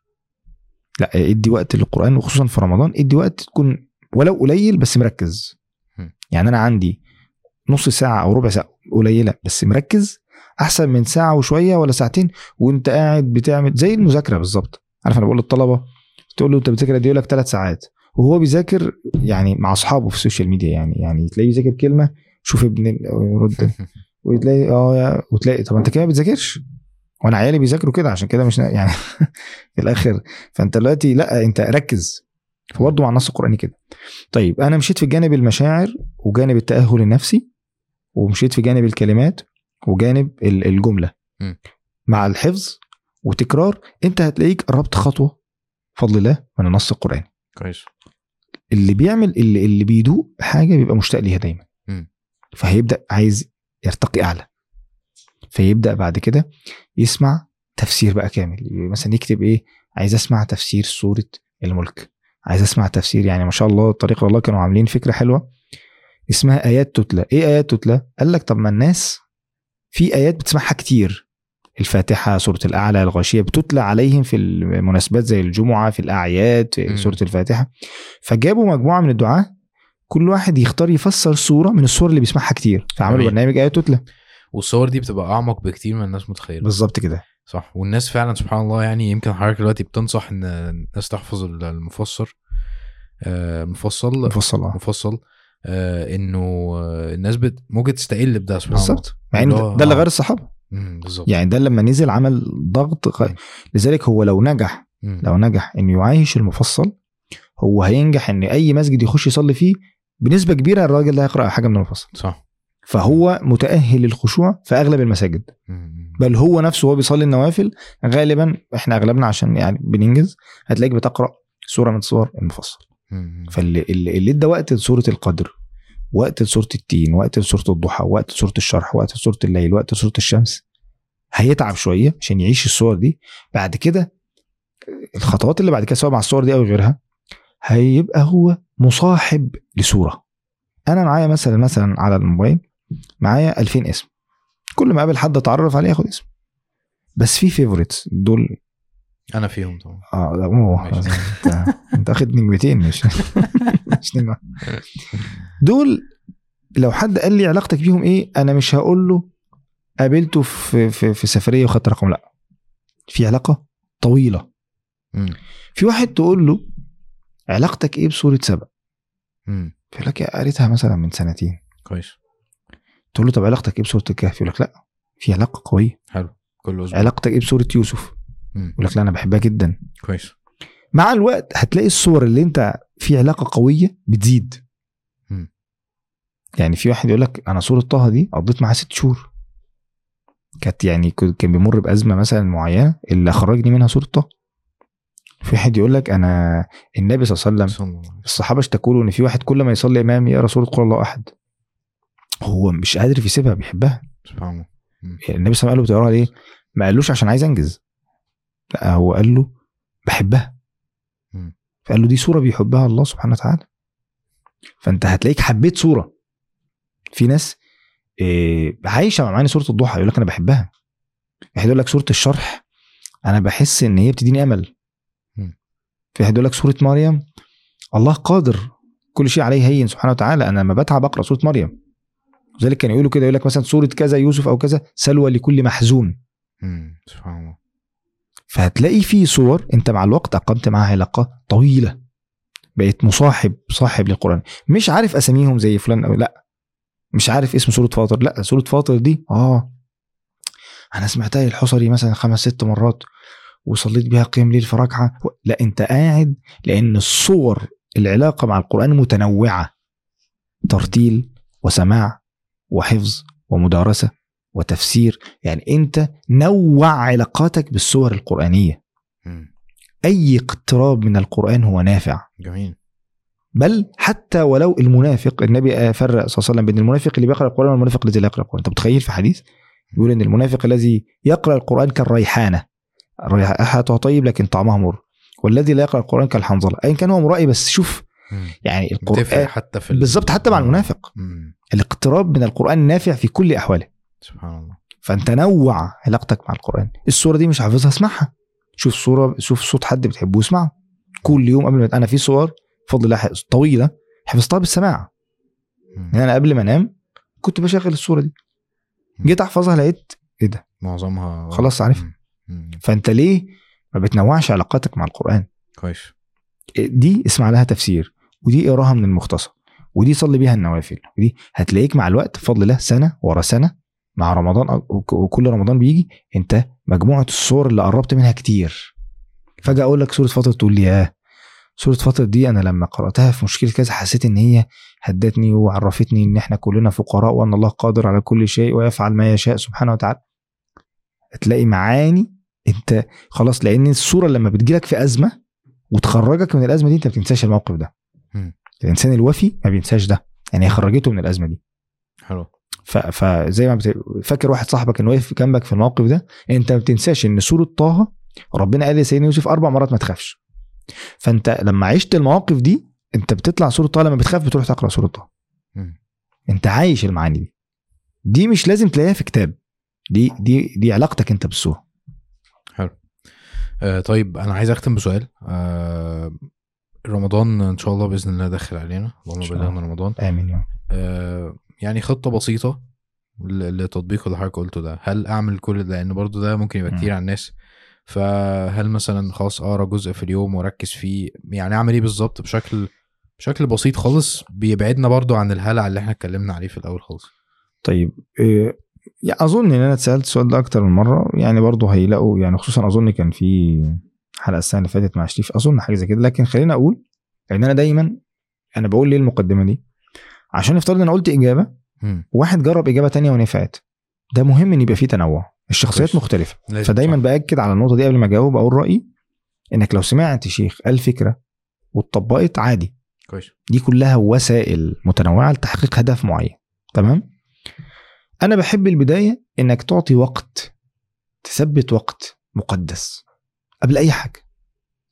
يعني قبل ما نشوف هنجزء ولا تفسير ولا قرآن ولا تفسير سورة ولا هبدأ بالمفصل ولا هختم كتير قبل ما نحدد هنعمل إيه لأن كل ده كويس أنا يهمني حاول تطلع وقت من يومك. كويس. بعد الفجر بعد بعد الفجر بقى بعد. العصر. بعد المغرب نمت بسرعة بعد التراويح صحيت بالليل اتنين. شوف وقت. مم. اديه للقران أنت قلب يومك قلب أسبوعك وطلع صافي قرآن. كويس. أنا وقت, ثابت. آه. وقت محدد ثابت كل يوم. إيه طب افترض أنا طبعا شايف إن ده الأفضل. افترض إن أنا في أيام شغلي متلخبط شيفتات ومش عارف إيه طلع لي في الأسبوع. ايا كان أنا عايز حاجة صافية. ماشي. عارف الدبيحه يقول لك أنا عايز حاجة صافية ما تجيب أنا عايز وقت. صافي. قدر المستطاع. أعمل إيه في الوقت ده؟ هنا في تنوع. يعني أنت مش اللي أنا بخاطبهم في اللي ختم وفي اللي ما ختمش وفي اللي قرأ وفي اللي ما قرأش وفي اللي في الأول يعني. فبالتالي مش هينفع ادي إجابة تناسب كل الناس. في واحد يقول لي يعني أنا ينفع رمضان ما أختمش وأركز على مجموعه صور أعيش معاها؟ أقول له آه ينفع.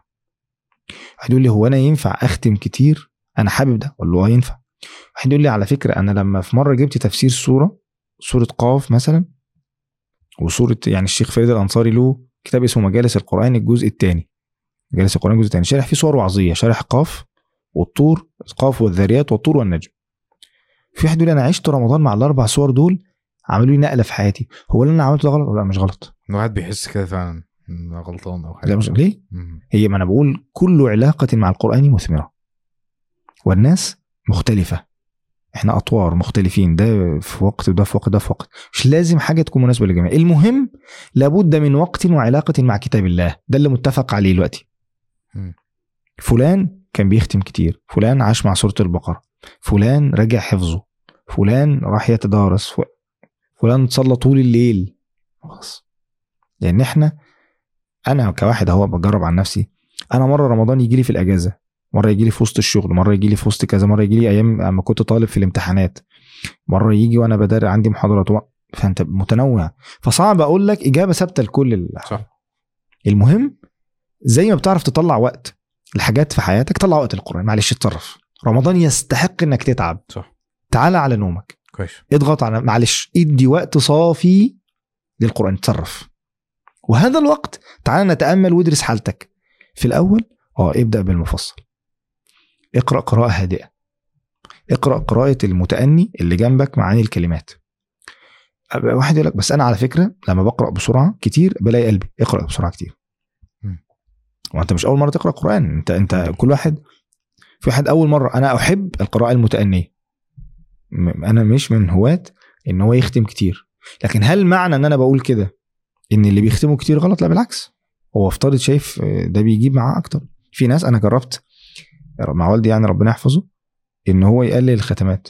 هو بيحس إنه هو لأ. ما شاء الله لا قوة إلا بالله وبيختم كثيرا يعني ربنا. فبالتالي هو بتختلف الأشخاص.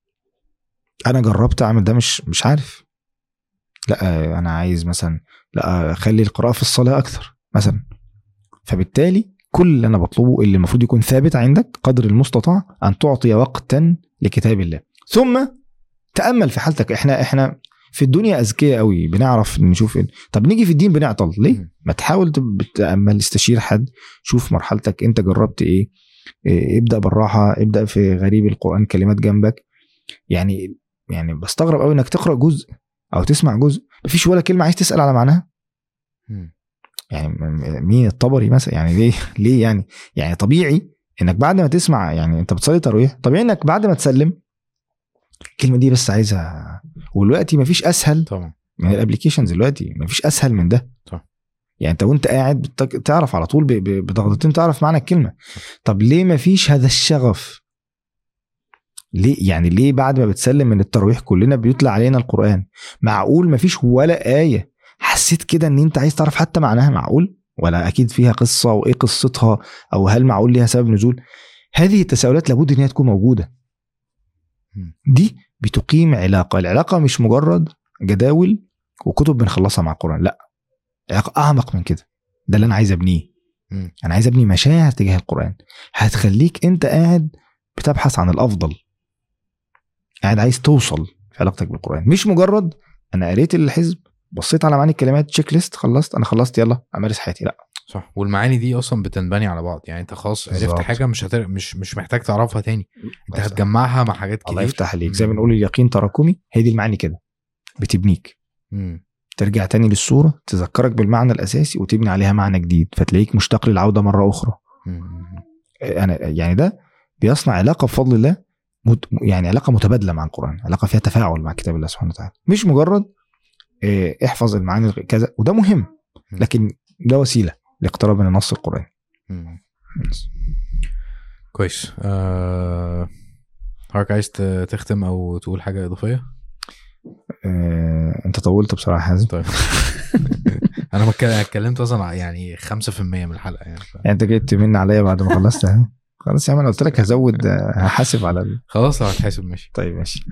آه جزاك الله خيرا. أنا فعلا انتفعت جدا بفضل الله. جزاك الله خير. أنت سعدتني فعلا باللقاء ده. جزاك الله. خيرا. الله يكرمك. وأسئلتك آه، سهلة ممتنعة. جزاك الله خيرا. ربنا ينفع بك ربنا يجزاك يا شيخنا. أنا على فكرة يعني عملت اللي حضرتك قلته ده على ال- الحفظ وال- والتفسير والكلام ده آه، في في, أول جزئين آه، وكنت بسمع التفسير بتاع حضرتك يعني. طب كويس الحمد لله. ربنا ينفعنا جميعا يا رب يستعمل أخطاء. آمين يا رب. ما حبيتش أقول عشان حضرتك متضرش يعني. لا. جزاك الله خيرا ربنا يكرمك شيخنا جزاك الله خيرا. جزاك الله خيرا ربنا يحفظك يا رب. شكرا يا شباب جزاكم الله خيرا على المجهود الطيب ده. سلام. جزاكم الله خيرا. السلام عليكم. لايك كده